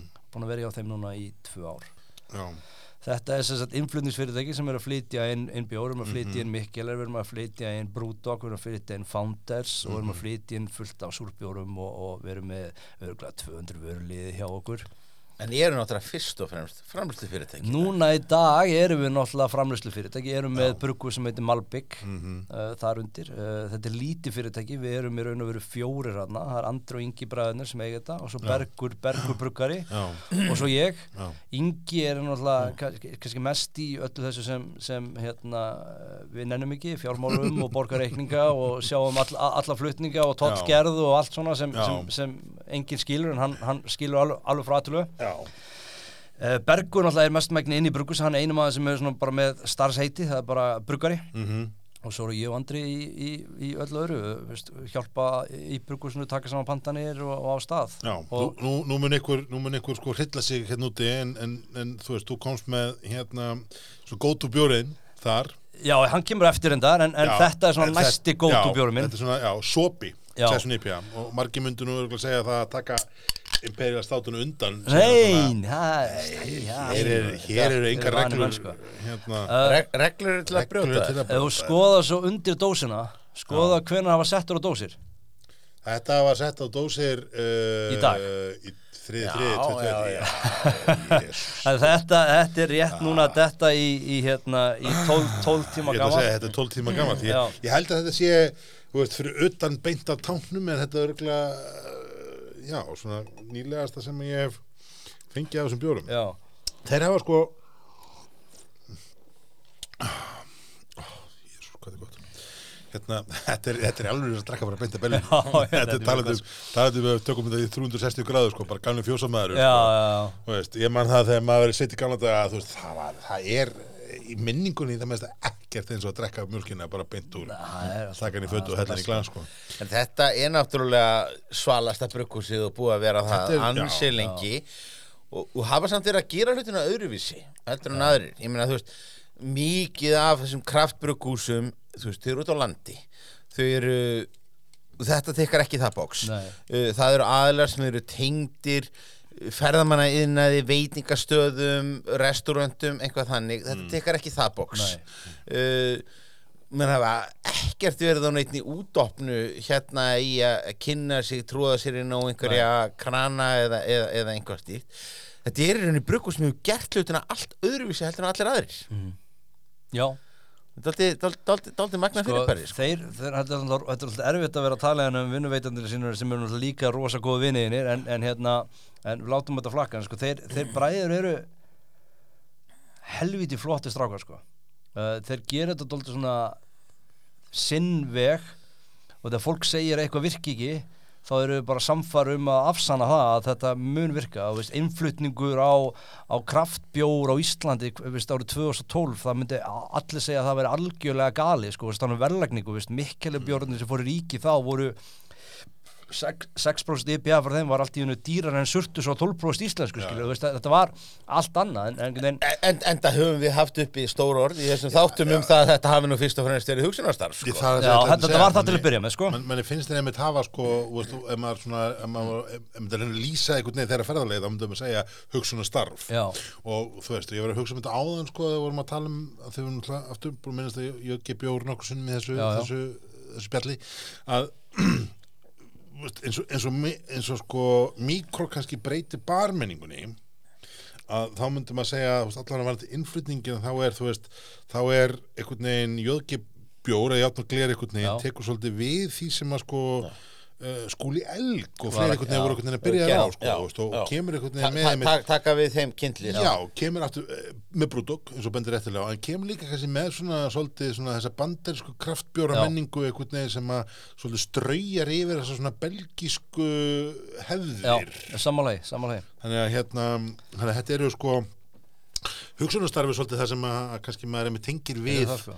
Þetta koncept sko og manni aftur eins og það bendir eftir lá sko Malbek hefur kannski farið öðruvísi leiðir þegar kemur að markasetningu og svona PR Já. heldur en, heldur en flestir af og ég menn eins, eins og ég verið búin að tala um eins og bæði ég gerði á Mikkelir og Ölfusólti það er þessi, þessi beina, beina markasetning Já, þar sem þú ert að taka að bara gjössamlega guffa öllu á fólk og láta vita að þeir því fleiri sem vita að þeir fleiri köpu vöruna. Hjá Malbygg er þetta þverögt Mm. Og það var bara, við tölum um þetta bara strax þegar við vorum að bara, þeir tóku viðtal við mig, að, þeir, þeir pitcha þessu hugmynd bara að þetta er allt öðruvísi, við erum ekki út um allt, Nei. við bara trúum það að við búum til vöru sem er það góð að hún muni seljast og fólk verður ána með hana Það er bara, það- menn, menn eru beinlínis að reyna að fela það umbú, í umbúðuna sko. Þú veist, þannig að Já, kannski ekki alveg Þú- sko. ekki þú- segja fel Þú svona- þú- þú ert að hafa fyrir því að finna, finna dósina í, í hillinni sko. hún Þetta er er- ekkert, stekkur ekki út og öskrar á þig sko. og ég held ég hef nú ekki rætt um þetta við strákana sko, en ég held samt sko að, að, að, hérna, að þeir eru auðvitað tekið eftir líka sko, en við erum að tala um ánum þetta ölfusalt og hvað þetta, að allt í hennu þeir eru sagt upp í annað skipti á skilur, sjö mánuðum og í fyrra skipti var ekkert máli, þá varstu eitthvað svona savior, eitthvað að bjarga staffinu og tókst þetta fyrir staffið og bara ekkert mál, en í tók ölfusalti þetta á kassan Já, þetta bara tók þetta á kassan og áfram gakk Mhm. og menn Ölfusholt var ekki þannig.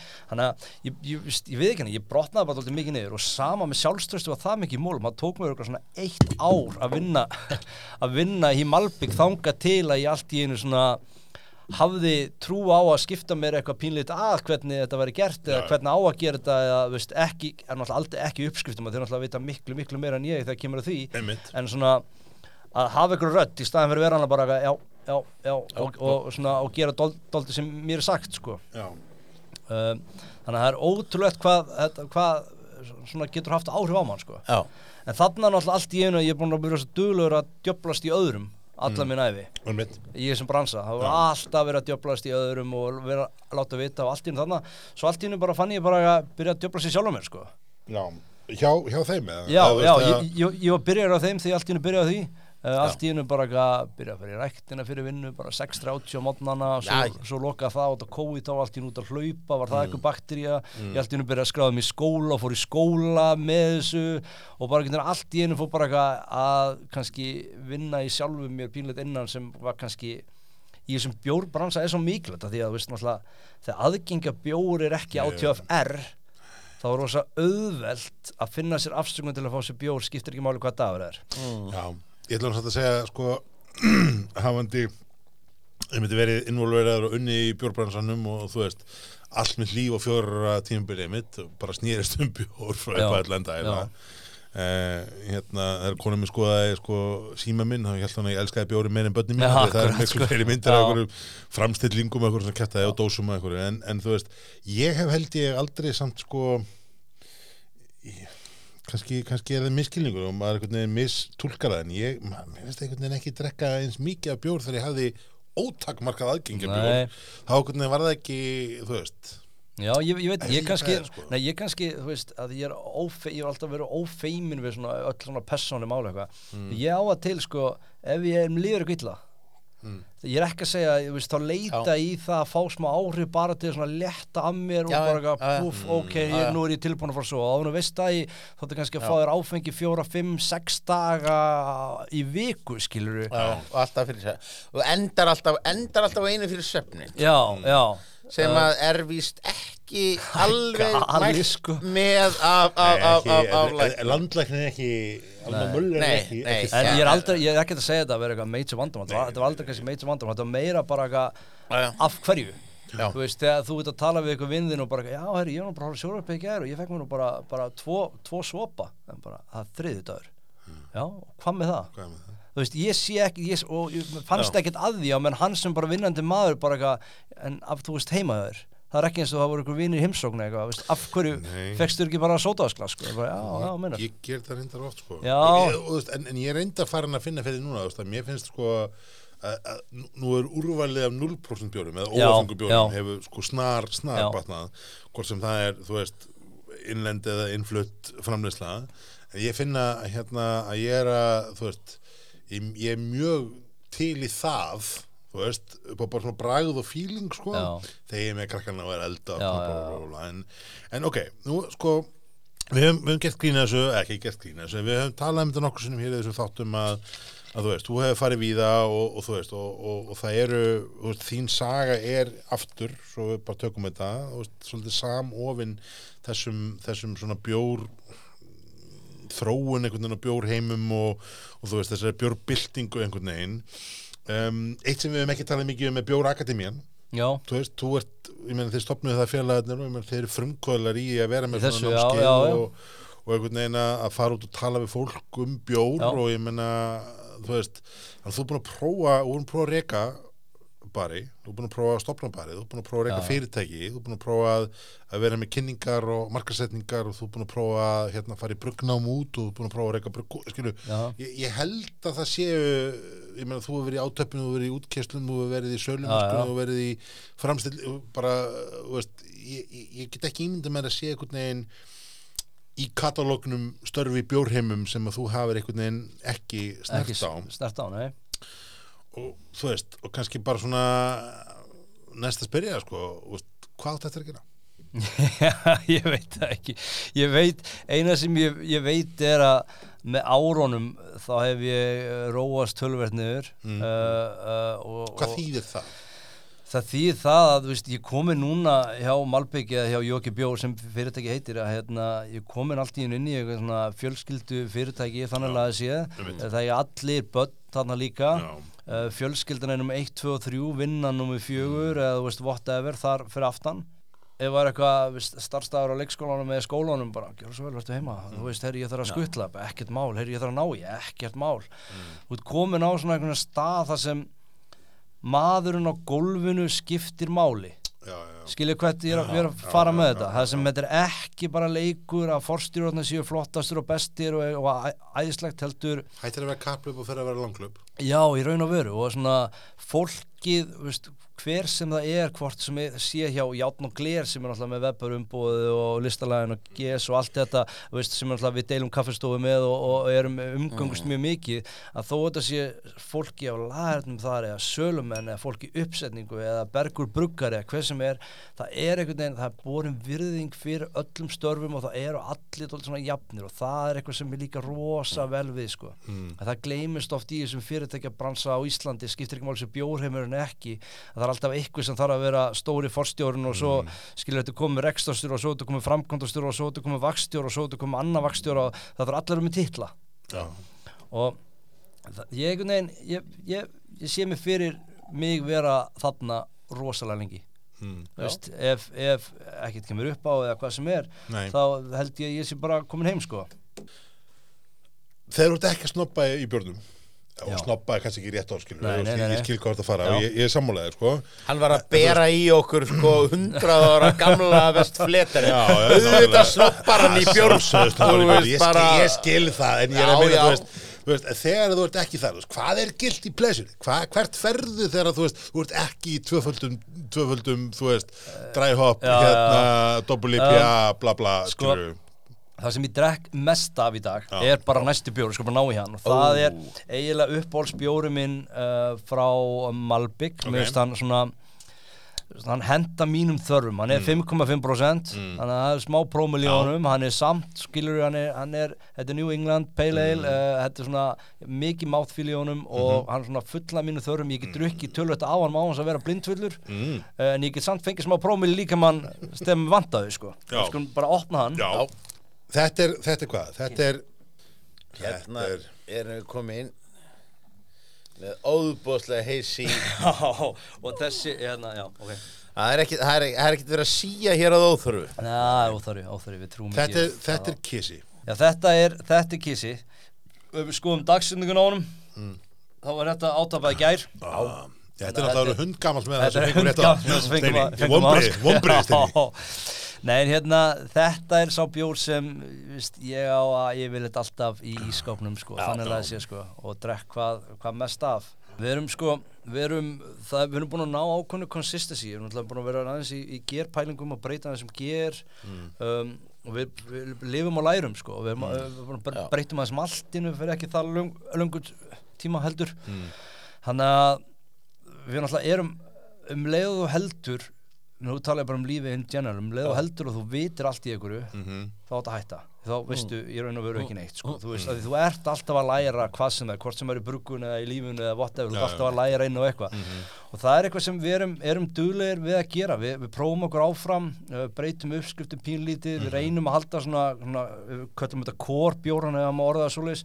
Reynum að halda þá alltaf nokkuð konsistens Já. en svo alltaf vorum við bjór sem heit massaði kjúklingur. Já, og hann var bara allavega inn í bruggusinu þá var hann bara changing, við bara breytum humlónum, við breytum þessu og hann var alltaf að prófa okkur áfram sko. já, en mér finnst svona á síðasta ári, einu og hálf ári síðan og þetta hefur ekkert að gera með komið mína í þetta fyrirtæki samt sem aður að þá hefur orðið svona meira consistency í bjórunum, við erum að ná meira svona spot on bjórum sko. mér er þetta bara að fundið það almennt vera bara við íslensku brugghúsin í Já. við um talum um þetta við átna gæðingum daginn sko, Já. að þú veist, mann hefur fundist sko, ég veit ekki hvort það er bara betra tæki í kópóinu heldur að voru skæðafyrinum en, en allavega hefur veginn, þú veist, oxun er farin og það er svona alls konar drasl sem að var einhvern veginn að plaga mann stundu sem að gerða verkum og maður svona, ah, ég nefn ekki gæðing Nei, aftur, akkurat sko. Það er svolítið, er svolítið Já, og manni finnst sko, þú veist, einmitt með, með Malbyggbjórna var svona svona, heyrðu, hérna hérna er að fara í mjög svona ekstrím tilraunir, sko, Já. veist, ég nenni kannski ekki að taka þetta í svona sessionum, þú veist, að drekka marga, akkurat, sko. en, en, en rúnunin er hins vegar eiga sér stað og þetta er, þú veist, saman ölfusolt skilju, að mér finnst ástæður er búin að bara gæðunum þar upp í, í, sko. í tíu, veist, þegar Borg Brugghús fór úr, litla yfir í, yfir nýja, nýja Brugghúsi á sér, sko, að þá, veist, kom þetta tímpil þess að var ekkert nema oxun og drasli dósunum sem er algjörlega horfið, Mhm. þannig að það hefur svona 2020 hefur kannski verið svona leiðindar ár en, en það hefur samt verið ár gæðana, Já, einhvern veginn, að mörgur leiti fyrst mér, sko. Við vorum náttúrulega sko, veist, þetta helvitis COVID sko, við, við kannski vorum það gífulega heppin og við erum rosalega þakklátti fyrir það að að eftirspurnin af okkar bjórum var herri en það sem við gátum sett í átíðaferð að, að Malbygg per se það vörumerki það, það var ekkit eitthvað brjálaslega það var smá högg sko en það var ekkit eitthvað brjálaslega stort högg. Nei, að því að við gátum haldið bruggusinu áfram í full force. Mm. dagarnir eru aðeins lengi, ekki lengri en það var miklu meira um dósanir. Um, við vinnum þetta er, magna fyrirtæki það er yfir bara klán fjögur þá er bara, herðu, heim. Já. það er ekkert sem við getum ekki beðið með þangut á morgun sko, heim. Uh, þannig að hérna Það er ein- ekki algengt í bjórnum. Það er alls ekki algengt í bjóðarheinunum og ég er nefnilega, það er ástæðan fyrir ég er svo þakkláttu fyrir það. Að strákanir hafa aldrei upplöðað eitt annað eins en ég hef upplöðað það bara eins og átöpun í heyrðu þetta þarf að klárast, ok við erum til átta sko. Og það er klukkutíma frá bænum sko. En hérna það bara eru, eru lengri dósanir, meira dósun og allt fór í átjóferð og, og við urðum, urðum, vor, erum það heppin að hérna, þetta náði samt að klárast og sátum ekki upp með henni byrði sko. Hve- hve- Hvernig verður þetta hérna, munum en taka skrefi tilbaka þegar, þegar, að, þegar að, að pláni líkur og, og, og, Já. túristafni koma erum við aftur komin á þann erum við áfram á stað, þeim, þeim stað vegna þess eins, eins og við höfum getið um áður. Öll litlu brukusinn eignurist ósavel. Já, og við erum bara með endalust fram, frambóð af kraftbjórum í ríkinu. Já, jafnvel frá brukusum sem ætluðu sér aldrei að selja Nei. inn í átíðafæra því þau ætluðu bara að selja á staðnum eða inn á stóru kraftbarinn í Reykjavík. Munum hverja tilbaka Sko ég, ég, ég veit, ég, ef við tala fyrir, fyrir okkur þá held ég, já, við erum byrjað að kúta núna tölvert meiru, þó svo að barirnir séu bara opnir í smástund, þá erum við byrjað að kúta tölvert meiru. Um, Það er, þú veist, eh, sko, spennan fyrir því að komast út og gera eitthvað og hún er áþreifanleg, sko, hún hún er það, en svo getur kemur, veist, ég held að COVID hafi, hafi breytt allavega, sko, fyrir mig sem býr út í útkverju, upp í e, það sem gerðist við COVID, ég sakna ekkit mikið kannski að fara á barina þannig að því ég gerði það ekkit oft, ég sakna meira bara matabóð heima og þú veist, og fá vinnin í heimsókn og drekka þar, og það- ég hugsa sko eins og ég tala um þetta tölvöld við Átna Hafstað, þannig að eins og segi, við erum búin að fara í gegnum þá sögu og ég er ennþá í mjög miklu sambandi við hann. Og við getum tekið þyrkja tíma símdalum ekki neitt sko á þess að bara, bara búið. En ég held líka að að kannski erum við að nálgast það sem er gerist í Ameríku fyrir svona 7-8 árum síðan og gerist í Danmörku eða, í- Danmörku fyrir 7-8 árum síðan og í, í Ameríku ölliti fyrr er það að þetta færist í útkværin Já, til dæmis ef ég fyrir Boston nú í dag og mér langar á okkur bar og hann er staðsettur út að taka lest út á síðustu stoppustöð og svo Já. þarftu að taka Uber eitthvað eða labba eitthvað, ég geri það. Ef staðan er það góður þá fer ég þangað sama, veist, veist, út í Danmarku þú, þú ferð þangað sem þú vilt fara. Það. Þannig að túristinn fer. Og ég, veist, það er rándýrt að vera með barnir í miðbæ. Það er rán, rán, rándýrt. Mun ódýr að það opnar í, í Kópavíðs áttum búin að gera eða í Hafnafyrir eða eins og við til dæmis erum að gera núna. Við erum að opna taprúm Já. uh, það er staðsett í skútuvöði sko. Já. Þú veist, pínu, pínu þú veist, maður veit að halda þetta var pínu gal en ég held líka að það sé alveg komið tíma á þetta fólk mun koma, fólk vill koma þá kemur það Þið eru reyndar að fá eitt stykki hverfi alveg Já. eftir korter en e, Já, já. tekur smá tíma en svo- það, það er reyndar er, er svo sem skemmtileg pæling líka einmitt taprúm taprúm hérna Malbygg, það er bara einhvað sem að er að fara að skella á. Já, það er enda bú, búið að vera að vera að skella á síðasta halvu árið, sko. En hérna, við rekið okkur á svona um það byrja alla hindranir sem hægt er að reka okkur á. Uh, Mér finnst að átnæg greiði Andri, náttúrulega Andri hefur verið að taka allan hitan af þessu. Hann er búin að vera standi í þessu frá aðtölu mm. Sko, það er, þetta, er átakalegt sko. Það er alltaf eitthvað sko. Fyrst var, eh, veist, barinn var metur og langur Hann þurfti aðra að bruna útganguliðana Við settum hann í gegnum brugghúsið Og svo var það þetta sem var að Og þó þetta og þetta er bara enda Laust vesen sko. En Það sem það segir að hafliði í vimbúðinni er bara easy. Hafli í vimbúinni Já, hann hann, já, hann, er, er efni í annað podcast sko. En hérna en okkur sýnist það allt vera að smetla saman. Ég hérna, uh, ég veit ekki hvernig þetta podcast kemur út en við erum svona að krossleggja fingur og ef við erum heppin þá gætum við mögulega að opna á morgun. Já. fyrir hlustundur þá er planið að koma svo hlaðvarp út á föstu degi Við sitjum hér á miðugudegi þannig að, að ef þið haldið að þið geti farið á morgun í þetta þá er það því miður að það er sett á fimmtudegin Þannig að Já. you just missed it. Já, en, þá, það en sko, en ef allt gengur sko, þá er opið núna um, um, um helgina. Um helgina. en vinsamlega þetta, þetta- Tekkið á þessu á Facebook eða Já, eitthvað áður. en tekki á- okkur á Facebook eða sendið okkur skilabóð eða eitthvað. Og það er annað við munum ekki taka fimmuna inn í sæðiðasund og Nei, nei, og líka það, það eru eitthvað sem við munum, munum tilkynna á, á, á Facebook, við erum búin að fara um endalösa fundum þetta, hva, hvernig við ætlum að gera þetta. Að því að við erum í skútuvói og ef þú kemur í leigubili, eða kemur í strætóanga og svo allt í nút af fjöldatakmarkum og tvekkjumetra reglu þá kemst ekki inn. Þú veist, við getum ekki, megum ekki hleypaðar inn. En hvert allar að fara? Já, bara pínu fögt og þú veist, jú það er míningar hana við liðina, það er líka takmark hvað við getum sendt marga til að drekka heiðarlegan túból klassik þar sko en að kemur til okkar sko. Og það er líka bara svo rámt það er, já, það- það, það- er pínu sko En hérna, en við ætlum að vera duglega, við munum tilkynna þetta, Mm. en verið svo líka bara duglega að senda okkur Facebook skilabók, hvort sem við prívat og persónlega eða barinn, að við erum allir búin að tala um það að vera ekstra vakandi með tölvu á barnum og alla síman okkar og vera duglega ef að kemur skilabóð á Facebook, eh, Malbygg Facebookið okkar prívat að svara bara, hei það er fullt.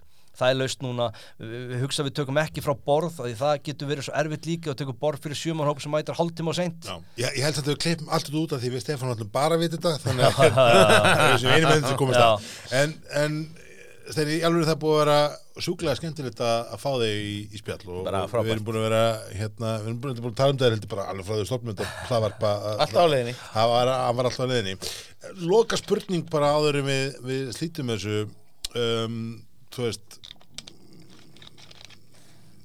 það eru já, ég myndi veist, kallmatt ég held að sett einn á svona top 5 bestu áttavitunum þegar kemur að bjóra á Íslandi. Sem þú veist bara hvað er hvað og, og, og, og svo framins og framins Já, takk fyrir það. Um, þú veist, ef ég fari í sakfræði þá myndi ég heyra í pálsinni og, þú veist, ef mér vantaði skilur einhverja, einhverja bjórstíla pælingar þá myndi ég tala við þig. Það. Þannig að um, við höfum stundur rætt þetta hérna að þú veist, við höfum gengið gegnum svo tímabil af einhverju, þú veist, við erum einhvern veginn núna svona að koma kannski af IPA og sterkum einhvern veginn í svona peil og, og við höfum svona verið, já, svona, akkurat og, og IPL og eitthvað svona, þú veist, og, og þú veist, hvað er næst sem gerist í kraftheimann? Hvað er næst sem gerist í kraftbjörn? Sko, ég sagði að það hefði verið pilsner fyrir svona þrejum mánu síðan Já. og það tók lengri, lengri tíma Mm. uh, en það virðist, virðist vera svona pína núna að- Mm. að pilsner sé það var náttúrulega erfið markur, Bríó náttúrulega átti markaðin Bríó náttúrulega sko er, er einstaklega velgerðu bjór og eiginlega bara geggjaða bjór í alla staði sko. það var erfitt fyrir kraftbjór að fara inn í þetta því fólki minna forgiving þegar kemur að, að, að einhverjum áflöfurum eitthvað í pilsner en það, en, en, það er í Imperial Stout sko. Um, en pilsner klárt en svo náttúrulega eitthvað sem ég hef haldið að væri next thing, ég bara, ég, veit ekki hvað það verði sagt um ekki, það er hard seltzer Já, Já, það er, það er að tröllríða Ameríku sko. Um, og Vingos og hard seltzer held ég að sé. En, en spurningið veist bara já, einmitt. Veist, ég veit ekki hvort að, hvort að ég sé eini sem bjórheim í eitthvað svona líkams vakning og vitund og fara að hugsa um mig og, og reyfa mig og eitthvað. En, en sko hard seltzer náttúrulega sko, þetta er svona, ef ég var að fara á fyllir í Já. þá myndi ég kannski drekka þrjá kraftbjóra til að byrja með. Já. og ef ég geti bara viðhaldið mér á hard seltzer sem inniheldur skilur 90 kaloríur eða eitthvað og haldið mér með öllum þá er það eitthvað sem ég geti séð mikið. Ég sé ekki alla, allt fólki í kraftheiminum gera það en ég hugsa að ég geti gert það. Ég hugsa þessu margir sem, sem held að- ég held að Bara sé- í ég held að þetta, sé þetta alveg hjá, sko. og maður, sé- við höfum þetta ræðið þetta síðast þetta held ég að, sko, lightbjörinn, Mm. þú veist sem er gluten og kaloríu snöður, Já. þú veist að hann er komin upp í annarsæti Good Light er annar mest seldi björn á Íslandi í dag. Ok, það er viking, vikingste, nei, það er vikingildur í fyrst þetta já, Good Light, já, það er magnað. Það er ótrúlega það er alveg kingi magna sko. og saman eru Good Light og Viking Light uh, með hvað 2,5% herri markaslutil heldur en, heldur en Viking gildur. Það er galin staðurinn Galin. það hefur verið fossíðu frétt fyrir fimm ára síðan Já. í morgunblæðinu en Steini, takk fyrir mig, takk fyrir komuna. Takk fyrir og takk fyrir bjórna og takk fyrir spjallið. Það verður ykkur góð. Og hérna og sko þú veist takk fyrir að byggja upp kraftsennina í börunum í Íslandi.